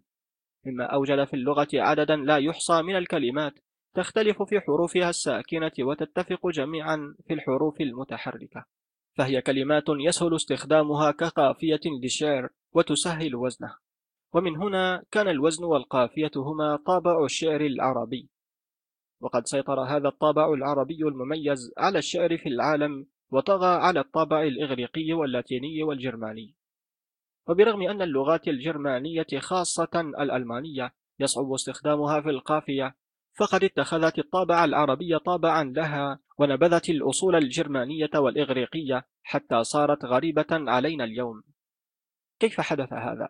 ولماذا لا ننظم نحن الألمان أشعارنا الآن كما فعل الإغريق والرومان؟ لقد ظل الشعر الديني والدنيوي زمنا طويلا يخرج في ثياب لاتينية ولم يكد الشعب يبدأ بنظم القصائد الغنائية حتى ترك النظم الإغريقية والرومانية واتخذ الطابع السامي نظاما لشعره. لقد جذبته إليه الحاجة إلى إيقاع موسيقي يتفق مع الشعر الغنائي. ولو لم يفعل الشعب هذا لما وصلت القصائد الغنائية عند غوتا وغيره من الشعراء المبرزين إلى ما وصلت إليه من شهرة عالمية. ويحق لنا الآن أن نتساءل كيف شق الوزن والقافية طريقهما ليصبحا طابعا للأشعار العالمية. إن أول التأثيرات الشرقية قد وردت إلى الغرب عبر بيزنطية في صلوات اليهود في القرن الأول الميلادي وفي القصائد الدينية للكنيسة الرومانية الشرقية. وحمل رهبان مصر وسوريا معهم إلى بيزنطية وديرة الغرب الطابع العربي الذي عاش غريبا إلى جوار الطابع الإغريقي الروماني. وظلت القافية لا تراعى مدة خمسة قرون كاملة ولم تتخذ شكلا واضحا في الأشعار إلا في القرن الحادي عشر. أما الوزن فقد ظهر في الشعر لأول مرة حوالي عام 860 ميلادي في الشعر الديني الذي نظمه أوتفريد ولكن ذلك لم يكتب له الانتشار. وأتت الموجة الثانية من القصائد الغنائية التي نظمها عرب الصحراء. والشعر العربي ظهر فجأة حوالي عام 500 ميلادي في صورة فنية كاملة متميزة. ولا ندري نحن اليوم مصدر تلك الحركة الأدبية المفاجئة. على أنه من المؤكد أن اللغة نفسها بكلماتها المنغمة قد مهدت السبيل لذلك. وبينما بقيت القافية في الأشعار السورية ميزة لبعض الأفراد نجدها قد أصبحت طابعا مميزا للشعر العربي. يستكمل فيها بيت الشعر أوزانه وينتهي بها كل بيت في القصيدة مهما كان عدد أبياتها. وهكذا أصبحت القصيدة العربية تزخر بالصور الحية والعواطف الجياشة تتوالى كالموج من مئات الأبيات بالوزن والقافية ذاتهما. ومن أجمل أمثلة ذلك الشعر ما كتبه امرؤ القيس الذي عاش قبل محمد صلى الله عليه وسلم بخمسين عاما حيث يقول ديمة هطلاء فيها وطف طبق الأرض تحرى وتذر. فترى الورد إذا ما أشجذت وتواريه إذا ما تعتكر. وترى الضب خفيفا ماهرا ثانيا برثنه ما ينعفر. وترى الشجراء في ريقها كرؤوس قطعت فيها خمر.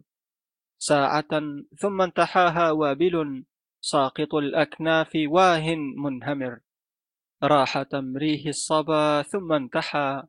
فيه شؤبوب جنوب منفجر. لج حتى ضاق عن آذيه. عرض خيم فخفاق مبتسر. قد غدا يحملني في أنفه. لاحق الأطلين محبوك ممر. وظل الشعر العربي يلتزم القافية حتى خرجت على ذلك مدارس جديدة. كان في طليعتها أبو نواس. وشعراء الأمويين في قرطبة في نهاية القرن التاسع الميلادي. وخرج إلى الوجود شعر غنائي جميل مختلف القوافي وساهم في هذا النوع من الشعر الفردوسي وعمر الخيام في إيران. وما لبثت أن انتشرت هذه القصائد من قرطبة إلى قرى القوقاز الهندية ومن نيسابور حتى النيجر ونهر الكينج وتميز ذلك النوع الجديد بتقسيم القصيدة إلى مقاطع لكل مقطع قافية مختلفة. ولم تلبث أوروبا أن رحبت بهذا النوع من الشعر فأخذ الشعراء الغنائيون عن الأوزان وألقوا في العربية وعن كل طابع مميز للشعر الأندلسي. ولعل أكبر دليل على ذلك هو ما كتبه خوان رويس من أشعار لمحبوبته وما كتبه شعراء بلاط الملك ألفونس. وما زالت ترانيم عيد الميلاد تحمل حتى اليوم ذلك الطابع العربي. وأثر طابع الشعر العربي على إيطاليا تأثيرا أكبر ونشاهد ذلك واضحا في أشعار فرانسيس الأسيزي ودانتي وفرا جاكوبوني دا تودي وحتى لورينزو دي ميديتشي وميكيافيلي قد نظموا على أسس الأوزان العربية. كما بقي ذلك الأثر العربي أوضح ما يكون في صقلية وتوسكانا والبندقية. وبرغم اتساع رقعة الدولة الإسلامية فقد حافظ الجميع على نظم الأشعار بأسلوب البادية ولغتها. وأرسل الناس أولادهم إلى أولئك البدو في الصحراء ليتعلموا اللغة العربية السليمة وقرض الشعر. وبرغم اختلاط البدو الرحل في البلدان المفتوحة بسكان تلك البلاد فقد ظلوا محافظين على طابعهم البدوي ولم يغيروه. ويتميز الشعر العربي بالعواطف والمشاعر الحية التي تتكامل حباتها كعقد من اللؤلؤ. واللغة العربية الزاخرة بألفاظها ذات النغم الجميل تساعد البدوي الساذج على صياغة أرقى المشاعر البشرية في قالب جذاب. والبدوي بحكم ظروفه وبيئته صبور نافذ البصيرة. ولغته العربية هي لغة غنائية حافلة بالتعابير الذاتية المتأتية عن انطباعات ومشاعر متماسكة تماسك اللآلئ في عقد جميل. لذلك نرى أن النزعة الغنائية تسيطر على الشعر العربي سيطرة تامة كما هي الحال عندنا في أوروبا هذه الأيام حيث اندثرت الملاحم. ومن ناحية أخرى فإن اللغة العربية لغة مطوعة في ألفاظها إلى درجة نجدها فيها تدعو إلى نظم العواطف والمشاعر شعرا. وإنه لمدهش حقا أن نرى البدوي الساذج والمحارب الباسل يتمتعان بمفردات قادرة على التعبير عن أدق المشاعر والأحاسيس الإنسانية. فثروة العربية كانت تقدم للشاعر تعابير شتى عن أشياء وحاجات من جميع الزوايا والأنحاء. وهنا تكمن الملاحظة الدقيقة الصبورة لابن الصحراء التي كانت تلقط تعابير وجه ما أو تدخل إلى أعماق نظرة ما أو ترى أثرا فوق الرمال فتصفه أو ينال سمعها صرخة في الليل فتغنيها بما فيها من لون ونسيم ورنين. وهذه هي الغبطة في الوصول إلى تعبير دقيق يصف حالة معينة تبتعد بكل صفاتها عن الحالات العامة. فتؤكد بكلمات مقتضبة ظلالها الخاصة. وفي هذا لعمري صعوبة تصل حد المستحيل وأجواء غريبة نمت فيها هذه الكلمات فوصفت الأوضاع الحياتية بصدق وإخلاص. وهك نماذج من الشنفري لعلها تعطينا الصورة الواضحة عن قوة التصوير بلغة الصحراء حيث كانت الضباع والذئاب رفيقة هذا الإنسان. أديم مطال الجوع حتى أميته وأضرب عنه الذكر صفحا فأذهل وأستف ترب الأرض كي لا يرى له علي من الطول امرؤ متطول. ولولا اجتناب الذأم لم يلف مشرب يعاش به إلا لدي ومأكل. ولكن نفسا مرة لا تقيم بي على الضيم إلا ريثما أتحول. وأطوي على الخمص الحوايا كمن طوت خيوطة ماري تفار وتفتل. وأغدو على القوت الزهيد كما غدا أزل تهاداه التنائف أطحل. غدا طاويا يعارض الريح هافيا يخوت بأذناب الشعاب ويعسل. فلما لواه القوت من حيث أمه دعا فأجابته نظائر نحل. مهلهلة شيب الوجوه كأنها قداح بكفي ياسر تتقلقل أو الخشرم المبعوث حثحثت دبره محابض أرداهن سام معسل مهرثة فوه كأن شدوقها شقوق العصي كالحات وبسل فضج وضجت بالبراج كأنها وإياه نوح فوق علياء ثكل. وأغضى وأغضت واتسى واتست به مراميل عزاها وعزته مرمل شكى وشكت ثم ارعوى بعد وارعوت ولا الصبر إن لم ينفع الشكو أجمل. وفاء وفاءت بادرات وكلها على نكض مما يكاثم مجمل. وتشرب أسآر القطى الكدر بعدما سرت قربا أحناؤها تتصلصل. هممت وهمت وابتدرنا وأسدلت وشمر مني فارط متمهل. فوليت عنها وهي تكبو لعقره يباشره منها ذقون وحوصل. كأن وغاها حجرتيه وحوله أضاميم من سفر القبائل نزل. توافين من شتى إليه فضمها كما ضم أذواد الأصاريم منهل وآلف وجه الأرض عند افتراشها بأهدأ تنبيه سناسل فحل لقد ضم بعضهم هذه القصيدة إلى المعلقات التي اعتبرت من أخدم القصائد والتي نال أصحابها جوائز وعطايا لما تضمنت من معان وصور سامية.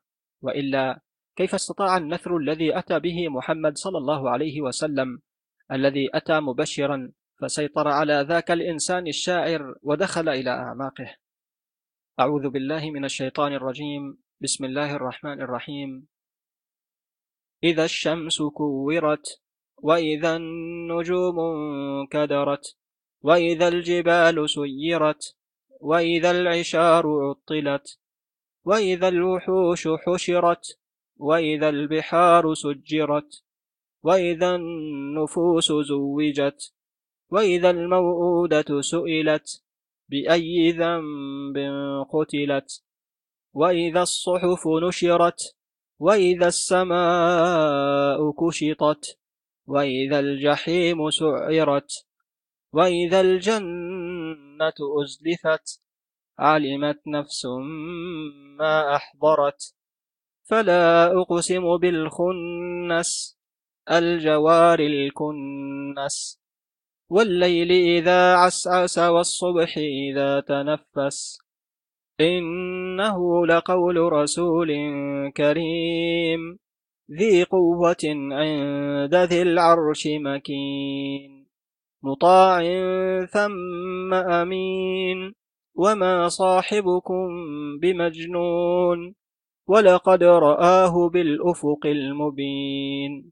وما هو على الغيب بضنين وما هو بقول شيطان رجيم فأين تذهبون إن هو إلا ذكر للعالمين لمن شاء منكم أن يستقيم وما تشاءون إلا أن يشاء الله رب العالمين سورة التكوير. وثمة شعر كثير وصف به العرب أحب الحيوانات إلى قلوبهم. إن موضوعات هذا الشعر لا يحصيها عد كالنفس الإنسانية تماما ففيها المشاعر كلها من حزن عميق وشك مجنون وكره شديد كما فيها الألم الموجع والحب البعيد. وها هو ذا الشاعر ابن خفاجة يتذكر أيام شبابه فيقول فأذكرنا ليلة باللوى وعهدا لعصر الصبا أطربا وماء بوادي الغضا سلسلا ومرتعا بالحمى معشبا وما كان أعطر تلك الصبا وأندى معاطف تلك الربا وأطيب ذاك الجنى روضة ورشفة ذاك اللمى مشربا. لقد ارتقى المعتمد زوج اعتماد أو الرميكة العرش بعد أبيه ليحكم طيلة 22 عاما مملكة مزدهرة على الرغم من تلبد الجو السياسي بالغيوم. ولكم كان حب الأمراء لهذا العربي ضعيفا لأنه كان حسب شهادة ابن خلكان فيه نقلا عن كتاب لمح الملح. إنه أندى ملوك الأندلس راحة وأرحبهم ساحة وأعظمهم ثمادا وأرفعهم عمادا. ولذلك كانت حضرته ملقى الرحال وموسم الشعراء وقبلة الآمال ومألف الفضلاء حتى إنه لم يجتمع بباب أحد من ملوك عصره من أعيان الشعراء وأفاضل الأدباء ما كان يجتمع ببابه من كتاب وفيات الأعيان. إن كل هذه الصفات حدت بمعظم الأمراء الآخرين أن يحسدوه ومن المعروف أنه كان معاصرا لهنري الرابع وغريغوريوس السابع. وفيلهلم الفاتح والنبيل روجر الأول الصقلي. في قصر المعتمد عاش الطبيب أبو العلاء ابن زهر وهو ثالث سلالة الأطباء الإشبيليين المتحدرة من القبيلة العربية إياد. وقد عرف بعنايته بالفلسفة وثقافته الواسعة.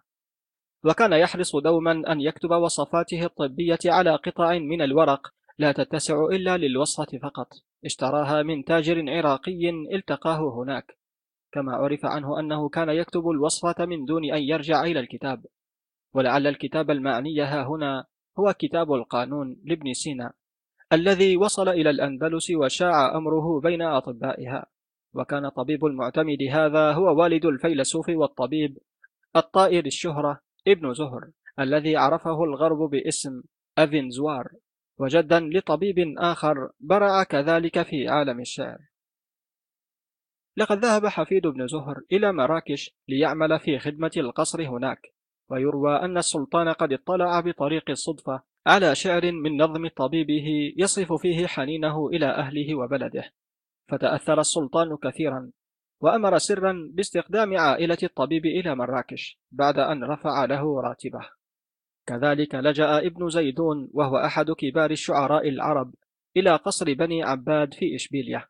وكما فعل المعتمد في قصيدته باعتماد. كذلك فعل ابن زيدون باسم ولده الوليد فأقام له نصبا من الحب. وكان هذا الابن يعادل السعادة والتعاسة بل الألم في حياته. فحمل هذا الألم في نفسه كطابع محرق على جبينه. إذ سمى نفسه أبا الوليد ابن زيدون. انتمى ابن زيدون إلى أشهر عائلات قرطبة وتعلق بامرأة قررت مصيره. هي الشاعرة ولادة أميرة الأمويين الباهرة الجمال التي سجد عند قدميها الرجال.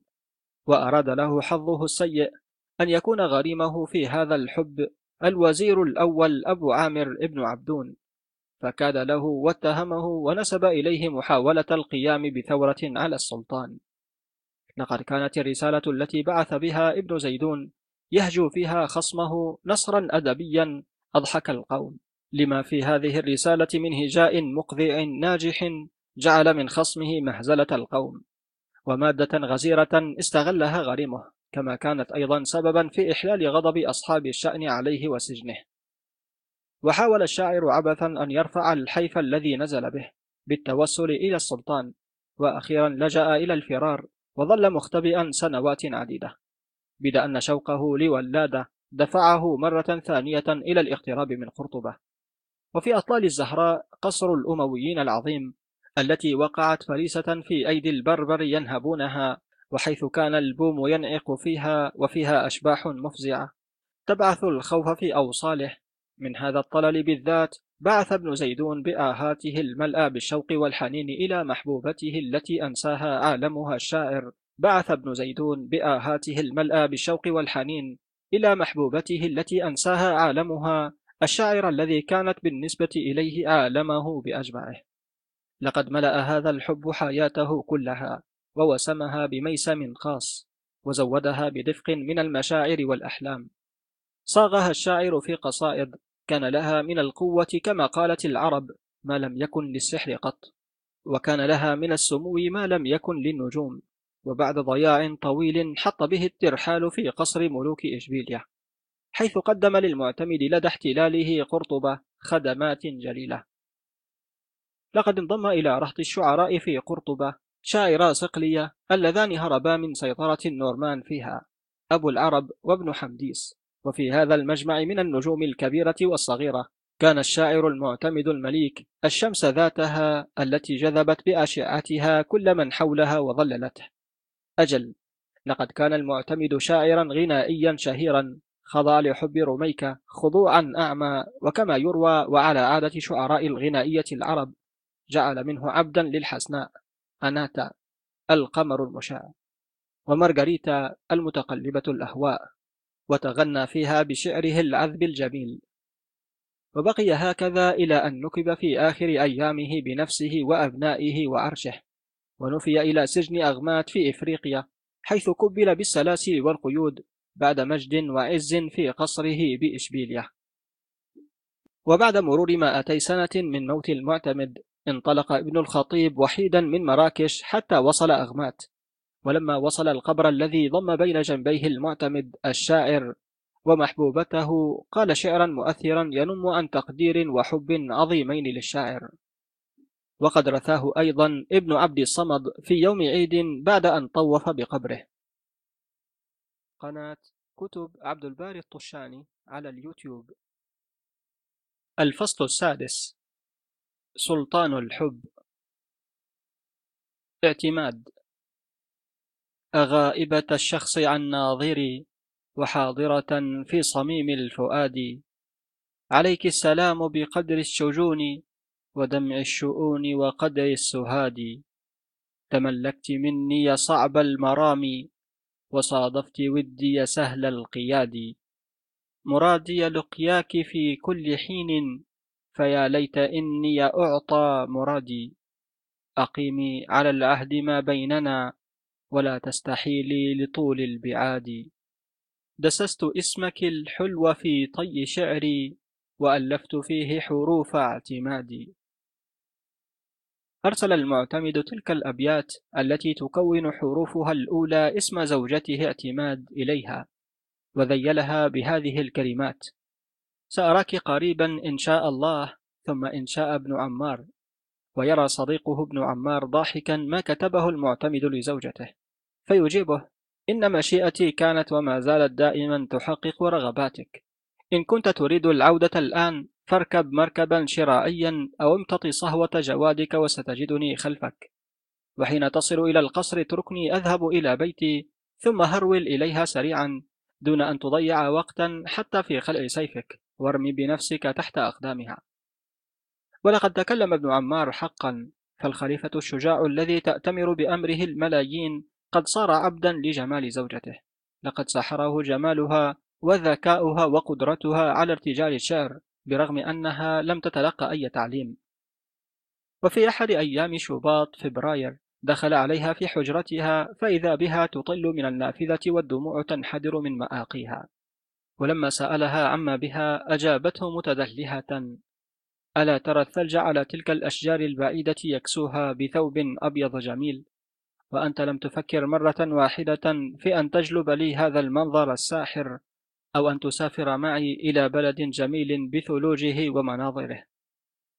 وضحك المعتمد ولطفها وجفف دموعها ووعدها بما طلبت وأمر في الحال أن تزرع بالقرب من نافذتها أشجار اللوز لتنعم حبيبته بمرأى أزهارها البيض. ابتسامة الربيع الأولى على شفتي الكون لتعوض بها عن مرأى الثلج. وذات مرة تملك اعتمادا حزن شديد حين رأت نساء من العامة يغصن بأقدامهن في الوحل. مرحات يعددنه لصنع قوالب من الطوب وقالت لزوجها متحسرة إني تعسة. أعيش مسجونة في هذا القصر ولا أستطيع أن أغوص بأقدام العارية في الوحل كهؤلاء النسوة. وضحك زوجها عاليا وأمر بإحضار كمية كبيرة من القرفة والمسك والطيب ورش عليها ماء الورد ثم عاد إلى زوجته ليخبرها أن العجينة تنتظرها لتغوص فيها بأقدامها العارية عابثة. لقد أحب الرجل فيها تلك النزوات ووجد متعته في الارتماء تحت أقدامها. وماذا يهم إن كانت هي قد تربت بين الأطلال بينما هو تربى بين القصور. إن الحب لا يعرف تلك الفوارق. ألم يقل الحكم الأول حوالي عام 800 ميلادي؟ وهو من أقسى وأعنف أمراء الأندلس. إني أخضع وأطيع غزلان قصوري كسجين مكبل بالأغلال. فسلطان الحب قد جعل منه عبدا للجمال وهو الملك الجبار. وهارون الرشيد نفسه وهو من أعظم حكام المسلمين يقول حبيباتي الثلاث يملكن علي نفسي ويسكن قلبي. كل الناس تطيعني وهن لا يطعنني وإنما أنا الذي أطيعهن. إن قوة الحب قد جعلتهن أقوى مني. ولم يكن ذلك المسلك خيالا لشاعر أو تزويقا في الكلام إنما كان حقيقة ملموسة عاشها الناس وقدروها قدرها. فالخضوع للمرأة والخضوع لله كانا من صفات القوم التي تعارفوا عليها. فالعربي الذي شعر بحقارته أمام جبروت الصحراء المترامية الأطراف شعر بقوة الله وقدرته وبطاعته وخضوعه لله كان يأمل في رحمته وهو الرحمن الرحيم. ولهذا ترى المؤمنين ركعا سجدا سيماهم في وجوههم من أثر السجود. فعرف المؤمنون ذو الإيمان بتواضعهم فكلهم عبد لله. وأعطت هذه العقيدة شعر العرب الديني طابعا خاصا انعكس كذلك في أشعارهم الغنائية. فقد كانوا في جاهليتهم يتلمسون رضا الآلهة وهم بعد الإسلام يطمعون في رحمة الله. وأصبح تعبيرهم عن الطاعة والخضوع منهجا لنظمهم في الأمور الدينية والحب على حد سواء. وعرف العرب الحب نقيا عفيفا فهو حب عذري يشبه إلى حد كبير الحب الأفلاطوني عند الإغريق. ومن أول أمثلة ذلك الحب العذري يروي لنا تاريخ العرب قبل الإسلام قصة جميل وبثينة اللذين لم يستطيعا التغلب على أعداء قومهما. ولكن حبهما يحطم كل زمان ومكان ويبقى خالدا لا يقضي عليه الموت نفسه. كما يحكي التاريخ عن حب الحارث بن عوف سيد قبيلة مرة لبهيسة المتكبرة التي وضعته تحت الاختبار عدة مرات لتمتحن مدى حبه لها والتي لم تعطه نفسها كزوجة إلا بعد أن برهن على تدلهه في حبها. وتقدم ذلك الحب العذري من الصحراء ليدخل قصور الخلفاء. فعباس بن الأحنف في بلاط هارون الرشيد عام 800 ميلادي لا يختلف كثيرا عن جميل بثينة. فبرغم أن محبوبته جارية في قصر الخليفة فهي بجمالها في أشعاره ملكة متوجة وهو يقدرها لعفتها سواء رضيت عنه أو غضبت عليه. فهو عبد لله في تدينه عبد للجمال في حبه. وحبه لها وخضوعه لا يقللان من شأنه كرجل بل هما يرفعانه درجات ودرجات. وسرت تلك النغمة من الصحراء إلى الأندلس ولقيت ترحيبا كبيرا. فابن حزم يعتبر الخضوع للحب مفخرة والتذلل للحبيبة شرفا كبيرا.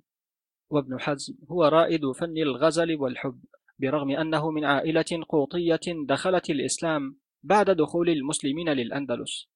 وقد شغل ابن حزم أرفع مناصب الدولة في بلاط قرطبة وعاش عربيا صرفا بل وادعى أنه ينتسب إلى الأمويين في دمشق. وكان ابن حزم شاعرا وفيلسوفا كبيرا. وفي كتابه الشهير عن الحب المعروف بطوق الحمامة يقول سنة 1020 ميلادي أفكارا قريبة الشبه من أفكار دانتي فحبه لمحبوبته هو وسيلة من وسائل حبه لله. أمن عالم الأملاك أنت أم إنسي أب لي؟ فقد أزرى بتمييز العي. أرى هيئة إنسية غير أنه. إذا أعمل التفكير فالجرم علوي. تبارك من سوى مذاهب خلقه. على أنك النور الأنيق الطبيعي. ته أحتمل واستطل أصبر. وعز أهن وول أقبل وقل أسمع ومر أطع. هذا هو ما كان يقوله ابن زيدون لحبيبته ولادة التي ظل طوال حياته عبدا مخلصا لها. ويبدو الشبه كبيرا بين دانتي وبين ابن عربي فقد أخذ دانتي عنه تشبيهاته بعدما يقرب من مائتي عام. فكما ارتفع حب دانتي الشاعر الإيطالي لبياتريس به إلى الجنة. درجات ودرجات. نجد ابن عربي أيضا يقول نفس الأوصاف في محبوبته. فبياتريس عند دانتي هي نيسام عند ابن عربي الذي يعلق على أحد كتب أشعاره قائلا لقد جعلت مني نظام ملهما لكل ما كتبته في هذا الكتاب من قصائد فهي كل أملي ورجائي وكل اسم ذكرته في قصائدي قصدتها به. وكل منزل حننت إليه هو منزلها. وبرغم أن أغلب أشعاري ديني يتحدث عن النور الإلهي فهي تفهم كل ما أعنيه وحياتنا الأخرى تفضل حياتنا الراهنة. وهكذا اضطر ابن عربي كما اضطر دانتي فيما بعد أن يعلق على أشعاره الصوفية التي غناها في حب نسام ليظهر طهارة حبهما على عكس ما ادعاه حساده. وتمتعت المرأة العربية علاوة على ذلك التقديس بمكانة عالية في المجتمع برغم وجود نظام الحريم في القصور. وخرجت نساء الأندلس بنشاطهن إلى الحياة العامة سواء في ذلك سيدات المجتمع الراقي أو بنات الطبقات الفقيرة والجاريات. فكان منهن الشاعرات والباحثات في العلوم وتلقين العلم تماما كالرجال. وسجل لهن تاريخ الأندلس صفحات من المجد فكانت هند تقرض الشعر وتعزف على العود وتغني بصوت شجي. وسائر القوم يتغنون بأشعار حفصة وقصة حبها للشاعر أبي جعفر. وتغني إحدى الجاريات أمام المنصور وهي تعلم أن الخليفة متيم بحبها.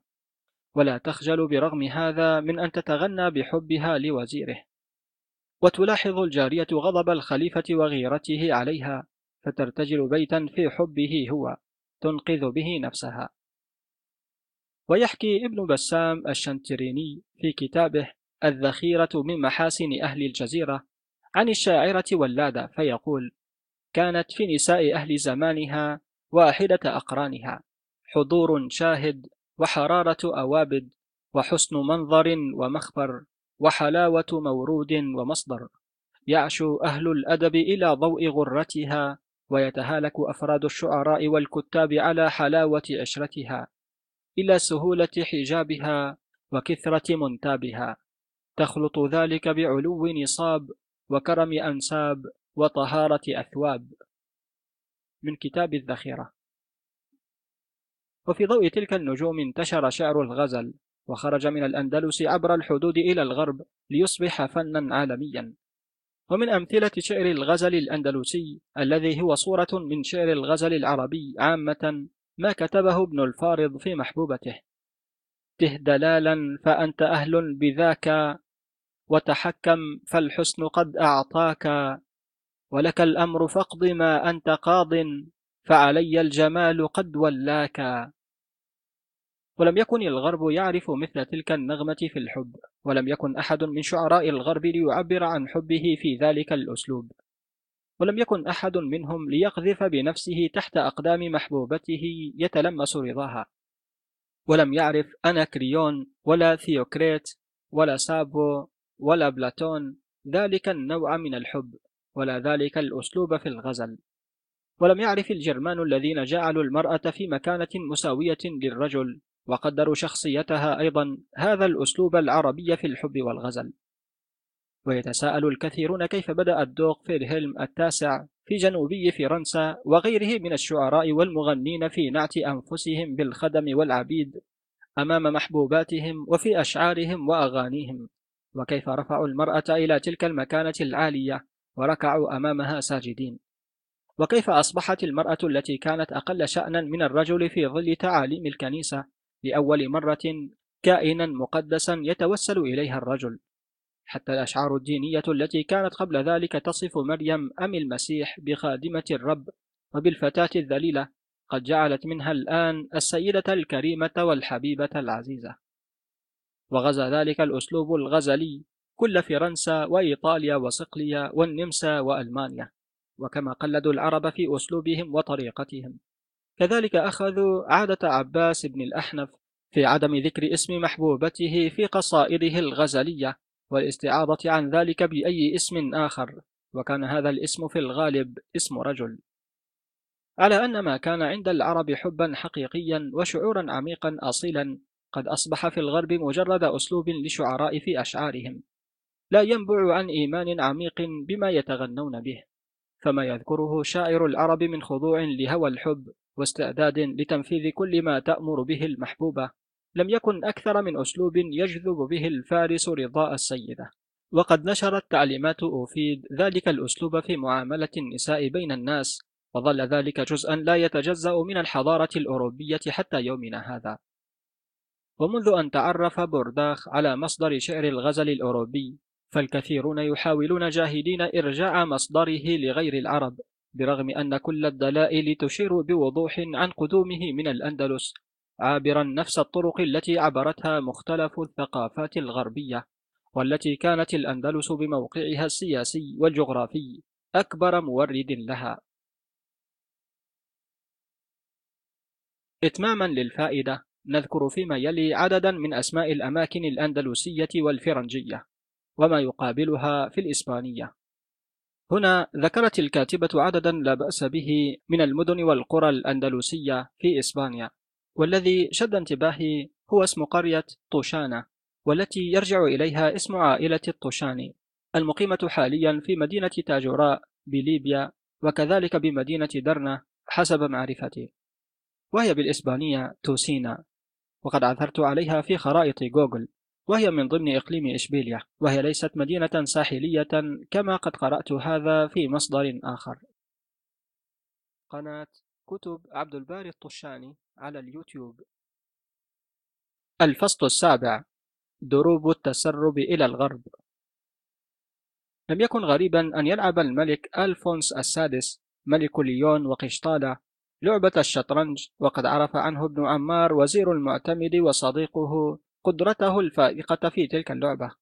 أما أن يهزم ذلك الملك ابن عمار في تلك اللعبة كما ادعى الكثيرون فذلك هو المحال. وكان ابن عمار واثقا من قدرته على هزيمة الملك ألفونس في تلك اللعبة الفنية بدرجة أنه وعد بإعطائه مدينة إشبيليا مكافأة له إن هو هزمه. وخسر ألفونس في لعبه مع ابن عمار وأنقذت دولة المعتمد دون حرب وبقيت إشبيليا للمسلمين. وعاد ابن عمار من معسكر الأعداء فخورا وخلفه خدمه وأتباعه يحملون عنه رقعة الشطرنج. إن عادات العرب وألعابهم قد سرت بين الجيران من المسيحيين وإذا حاول المسيحيون التباعد عن المسلمين بعد فتحهم للأندلس فإن ذلك لم يدم أكثر من بضع سنوات تحطمت بعدها جبهة المسيحيين ضد الإسلام. لقد قضى النزاع الداخلي الناشب بين الأمراء المسيحيين على كل تعصب ضد المسلمين. فهذا أمير مسيحي يطلب مساعدة المسلمين ضد أمير مسيحي آخر يهدد إمارته. وذاك يطلب عون المسلمين على استرداد ما سلب منه. وثالث يطلب مساعدة المسلمين ضد ابن عمه الذي سلبه عرشه. ولن نستطيع أن ننسى اليوم الذي قدم فيه الملك سانشا ملك ليون إلى قرطبة وتوجه إلى قصر صخرة. وما إن مثل بين يدي عبد الرحمن حتى خر جاثيا عند قدمي الخليفة.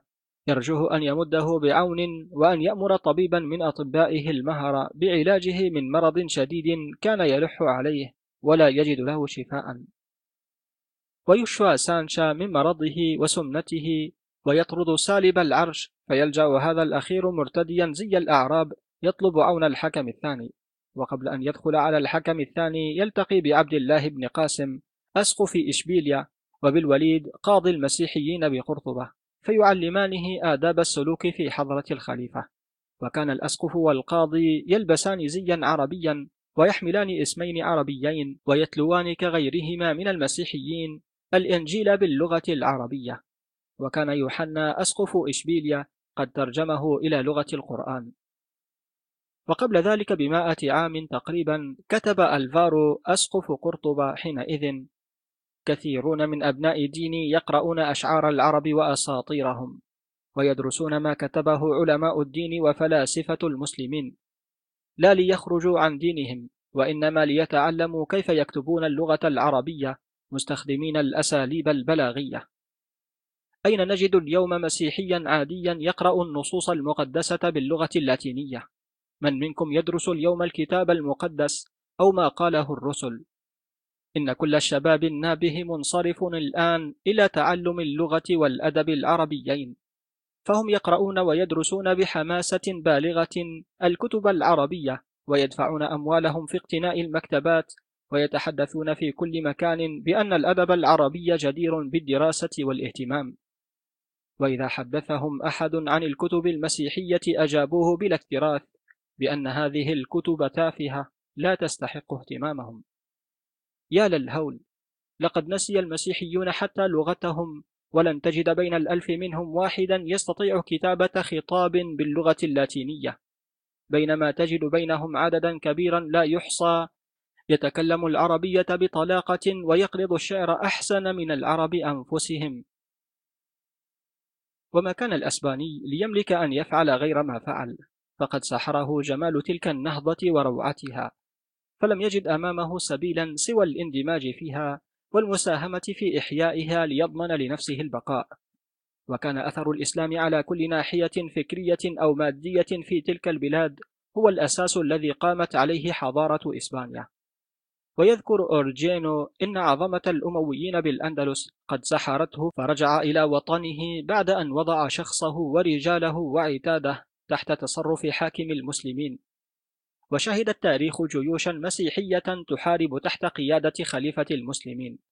وفي عام 1010 ميلادي فقد ثلاثة من الأساقفة حياتهم في إحدى المواقع دفاعا عن الخليفة.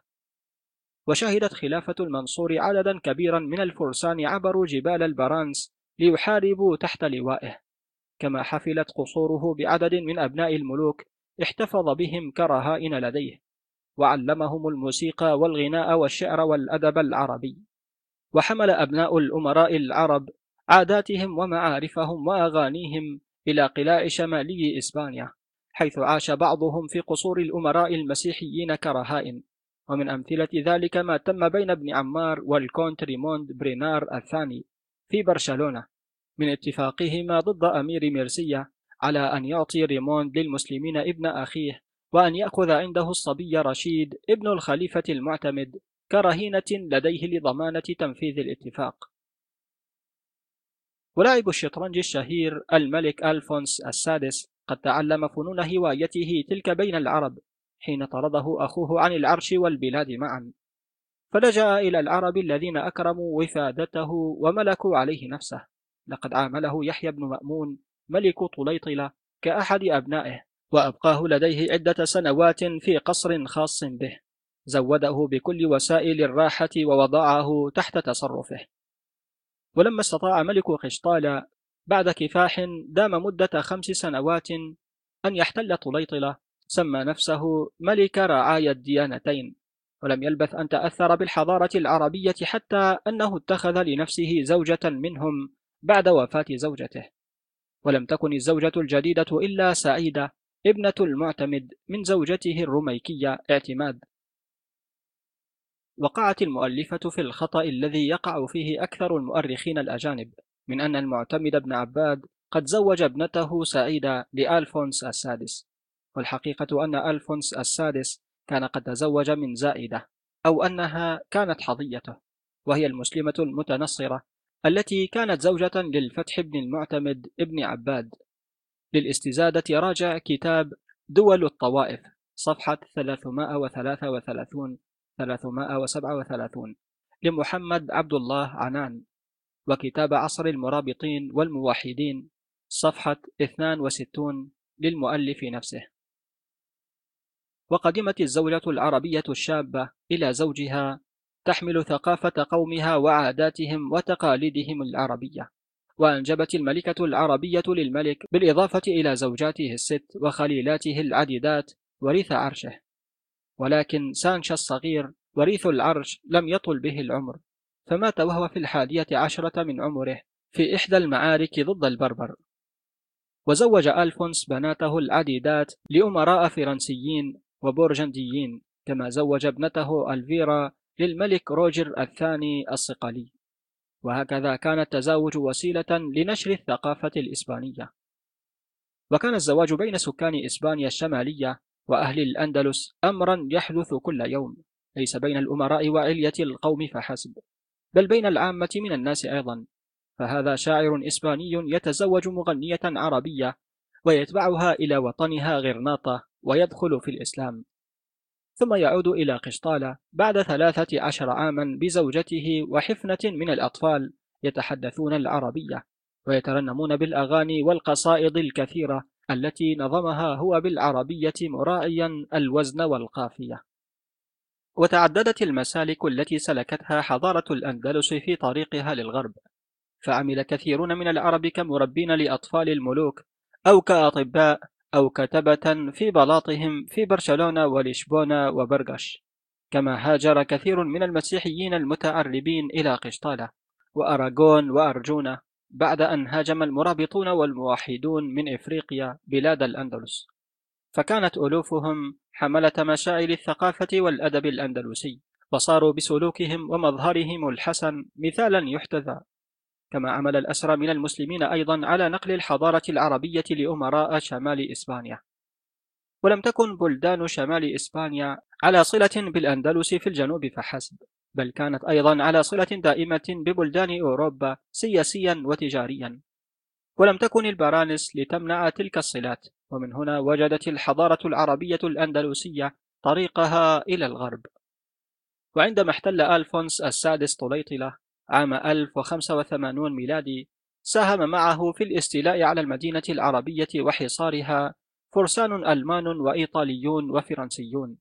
بل إن أول أسقف لها كان فرنسيا حضر بكهنته من كلوني واندمج الجميع بسكان المدينة العربية.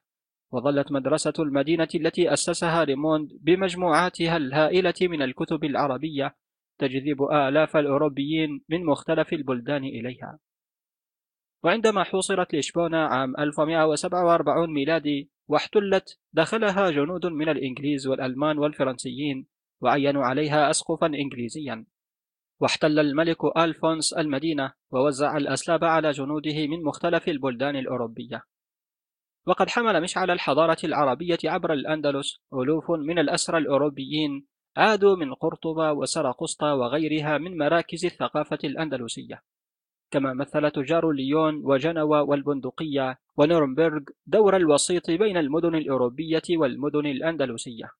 واحتكت ملايين الحجاج من المسيحيين الأوروبيين في طريقهم إلى سانتياغو بالتجار العرب والحجاج المسيحيين القادمين من شمال الأندلس.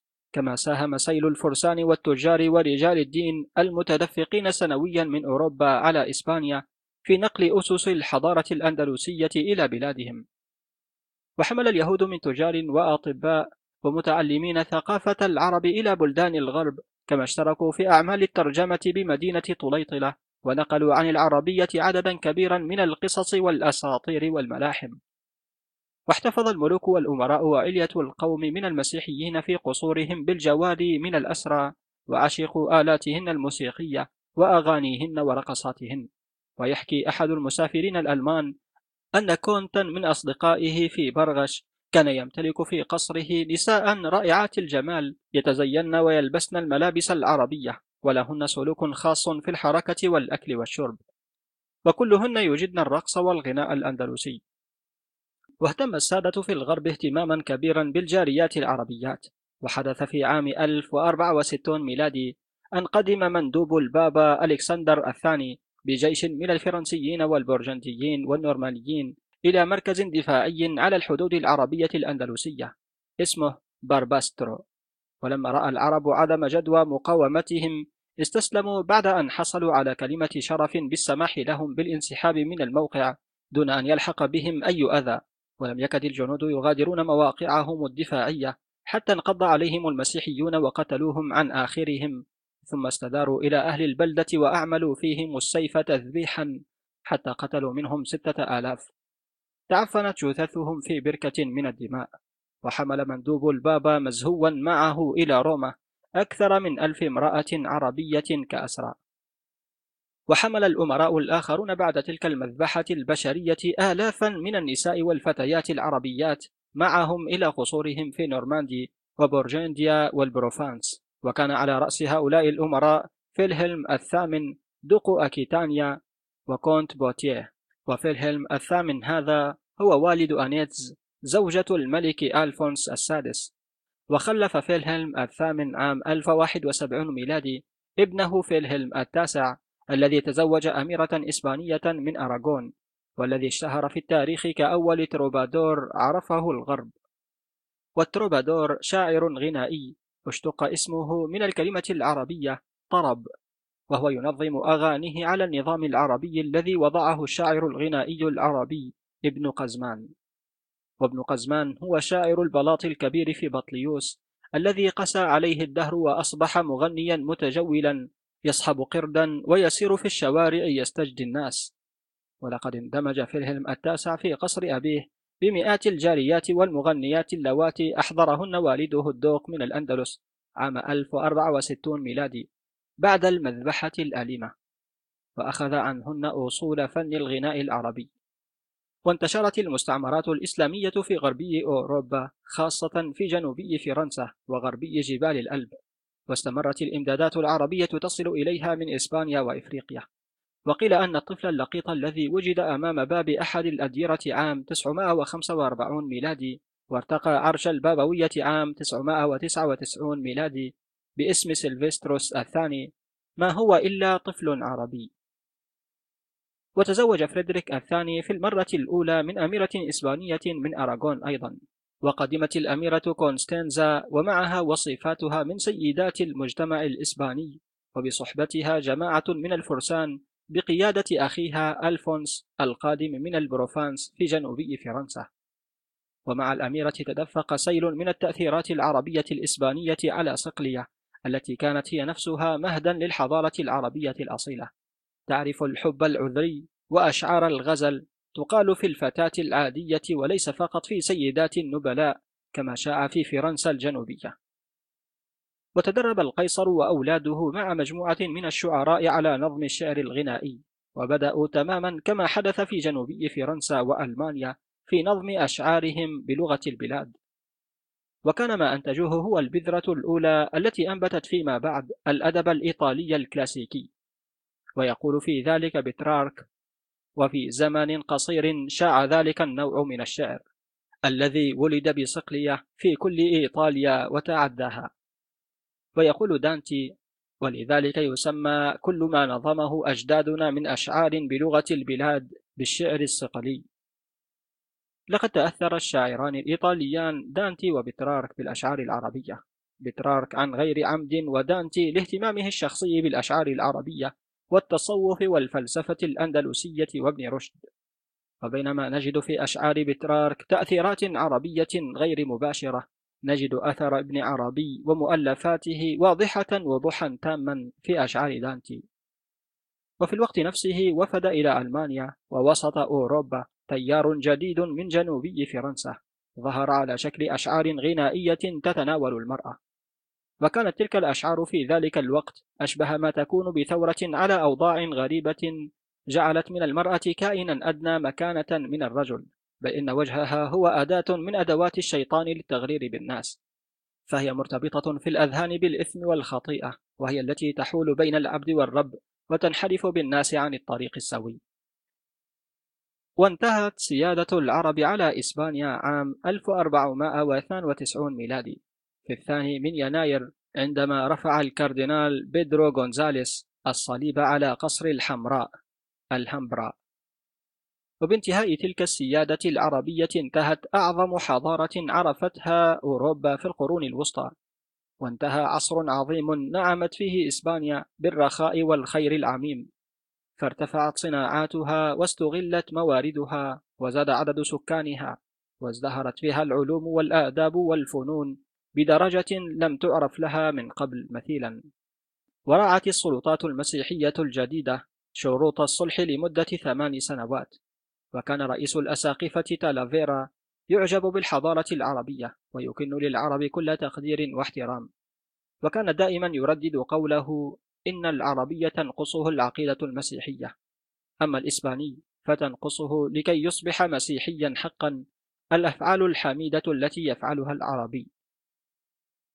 وانتقلت الحال في عصر رئيس الأساقفة إخوان كاسيمانيز الذي خلف تالافيرا المتسامح فلم يلبث المسلمون أن لاقوا أهوالا أفظع من أن توصف.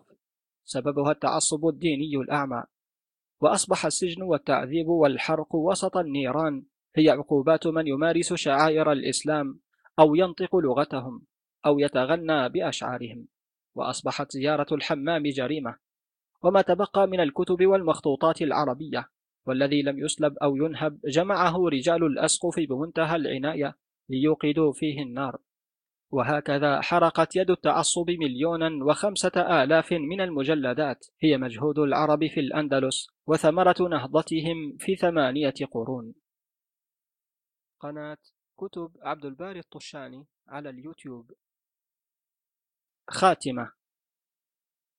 من يعرف نفسه ويعرف الآخرين لا بد له أن يعترف هنا أيضا أن الشرق والغرب لا ينفصلان. وتدفقت جموع العرب المتوحشين بوجوههم السوداء وخيلهم الكئيبة فوق أرض إسبانيا التي تركها أهلها فزعا. وانثنت الأرض ألما تحت وقع سنابك خيولهم التي خربت الحقول وهدمت المنازل ولم تترك نبتا ولا زرعا. هذا هو النص الذي يقرأه اليوم أطفال المدارس في الغرب عن فتح المسلمين للأندلس. وما كان يمكن أن يحدث لبلدان الغرب لو لم يهزم شارل مارتل العرب وينقذ أوروبا المسيحية من شرورهم. والواقع أن مثل تلك الجمل قد ألفناها في الغرب وتعلمناها حتى حسبناها حقائق لا تقبل الشك تماما كاعتقادنا بأن العرب ليسوا بأصحاب حضارة إنما هم مجرد وسطاء نقلوا إلينا حضارة الإغريق. هل فكر شارل حين هاجم المسلمين بجنوده أن يكون كما يدعي بعضهم منقذا للغرب؟ الحقيقة أن شارل لم يخطر بباله شيء من هذا بل لقد ذهل حين أخبر في الصبح بعد معركة غير فاصلة أن المسلمين قد انسحبوا ولم يحتفل شعب شارل به قط كمنتصر على العرب وإنما احتفلوا به بوصفه قد أحرز النصر على القبائل الألمانية وسموه لذلك بشارل ذي المطرقة ولم يعر خلفاؤه معاركه عند بواتيه وأفنيون ونيم ومرسيليا ونربونا أي اهتمام يذكر. وعندما أراد القيصر لودفيغ المتدين أن يسجل أمجاد أجداده على جدران قصره في مدينة إنجلهايم لم يجد في أعمال جده الكبير شارل مارتل ما يستحق التسجيل سوى انتصاره على القبائل. ولم ترى الكنيسة في أعمال شارل مارتل وانتصاره في بواتيه أية بطولة أو حماية للمسيحية من أي نوع كان؟ بل رأت في ذلك لعنة من الله تحل عليه كسارق لأموال الكنيسة. استباح أموال الأديرة لتسليح وإعداد جنده الذين اشتركوا معه في القتال. ولهذا وجد قبره بعد مماته خاليا لأن الشيطان حمله ليقذف به في الجحيم مكفرا عن آثامه. ألا نبالغ نحن اليوم في تصوير ما حدث عند بواتيه؟ إن مؤرخا بلجيكيا يرى أن ما حدث لم يكن له من نتيجة سوى منع اتساع رقعة دولة العرب في الأندلس وإن أحدا في عام 732 ميلادي لم يكن يفرق بين سيادة المسلمين والمسيحيين أكثر من تفريقه بين سيادة روما وسيادة القيصر. ففي العام ذاته 732 ميلادي أرسل البابا غريغوريوس الثالث رجلا سوريا يدعى بونيفاسيوس إلى ألمانيا. فأخضع مقاطعتي التورينجر والهاسن لنفوذ البابا وفي عام 738 ميلادي وبينما شارل مارتل مشغول بصراعه مع العرب من جديد انتهز بونيفاسيوس تلك الفرصة وأخضع بافاريا أيضا للكرسي البابوي ونشر نظام روما الكنسي في ألمانيا. هذه هي الحقائق الثابتة. أما ماذا كان يمكن أن يحدث للغرب لو لم يقف زحف المسلمين؟ فهذا سؤال لا يستطيع التاريخ أن يجيب عليه لأنه لم يحدث فعلا. والتاريخ لا يخمن ولا يفترض الافتراضات ليبني عليها نتائج لم يكتب لها الوجود. وبرغم هذا فإن المؤرخين لا زالوا يرددون هذا السؤال ويجيبون عليه إجابة الواثق من صواب رأيه دون أن يملك دليلا واحدا يثبت به ما يدعيه. فليس ثمة كتاب تاريخ في الغرب إلا وذكر شيئا عن فضل شارل مارتل في الدفاع عن المسيحية أو حماية الغرب أو المحافظة على المدنية الغربية من الزوال. أوليس من العجيب أن نتساءل لماذا نفسر كما يحلو لنا؟ والعرب قد فتحوا فعلا جزءا من أوروبا هو الأندلس. فلم يقضوا على المسيحية التي يزعمون أن شارل مارتل قد حماها. ولم يقضوا على المدنية الغربية التي لم يكن لها وجود. لقد حولوا الأندلس في مائتي عام حكموها من بلد جدب فقير مستعبد إلى بلد عظيم مثقف مهذب يقدس العلم والفن والأدب. قدم لأوروبا سبل الحضارة وقادها في طريق النور. إن التاريخ لا يهتم بماذا كان يمكن أن يحدث. لو أن هذا قد حدث أو لو أن ذاك لم يحدث إن التاريخ أعمق وأدق من أن يسبح في الخيال. فواجبه الأول هو الاهتمام بالحقائق. فكل موجة علم أو معرفة قدمت لأوروبا في ذلك العصر كان مصدرها البلدان الإسلامية. كما أوجد الإسلام باستيلائه على بلدان البحر الأبيض المتوسط وضعا سياسيا جديدا أدى إلى نقل مركز الثقل في الغرب من البحر المتوسط إلى ألمانيا فأصبح الراين هو المنظم للسياسة الأوروبية. وكان رد الجرمان غير المباشر على ذلك التوسع الإسلامي هو تكوين الجيوش من الفرسان. وتأسيس المنظمات الدينية لفرسانهم والتفكير بالحروب الصليبية ضد فلسطين. ولقد كان ظهور الإسلام وتوسعه عاملا أنقذ الكنيسة من الانحدار وأرغمها على إعداد نفسها لمواجهة تلك القوى المعادية دينيا وفكريا وماديا. ولعل أكبر دليل على هذا هو أن الغرب بقي في تأخره ثقافيا واقتصاديا طوال الفترة التي عزل فيها نفسه عن الإسلام ولم يواجهه ولم يبدأ ازدهار الغرب ونهضته إلا حين بدأ احتكاكه بالعرب سياسيا وعلميا وتجاريا. واستيقظ الفكر الأوروبي على قدوم العلوم والآداب والفنون العربية من سباته الذي دام قرونا ليصبح أكثر غنى وجمالا وأوفر صحة وسعادة. والعداء الديني والتعصب الأعمى كانا أسوأ قائد للشعوب حرمها من الحياة والازدهار. ولئن كان التقارب بين الشرق والغرب في فترات متباعدة قد أدى إلى نقل الحضارة العربية إلى أوروبا لتبدأ نهضة الغرب. فإن التنازع الدائم بينهما قد مثل هو الآخر دوره في شحذ الهمم وخلق الحضارة الغربية إلى حيز أوروبا والبشر جميعا. تمت قراءة كتاب عرب الأندلس. وهو الكتاب السابع من كتاب شمس العرب تسطع على الغرب للمستشرقة الألمانية زيغريد هانكا. قرأه عليكم عبد الباري الطشاني. يمكنك الاستماع لكتاب شمس العرب تسطع على الغرب كاملا ستجده على القناة بقائمة تشغيل خاصة به.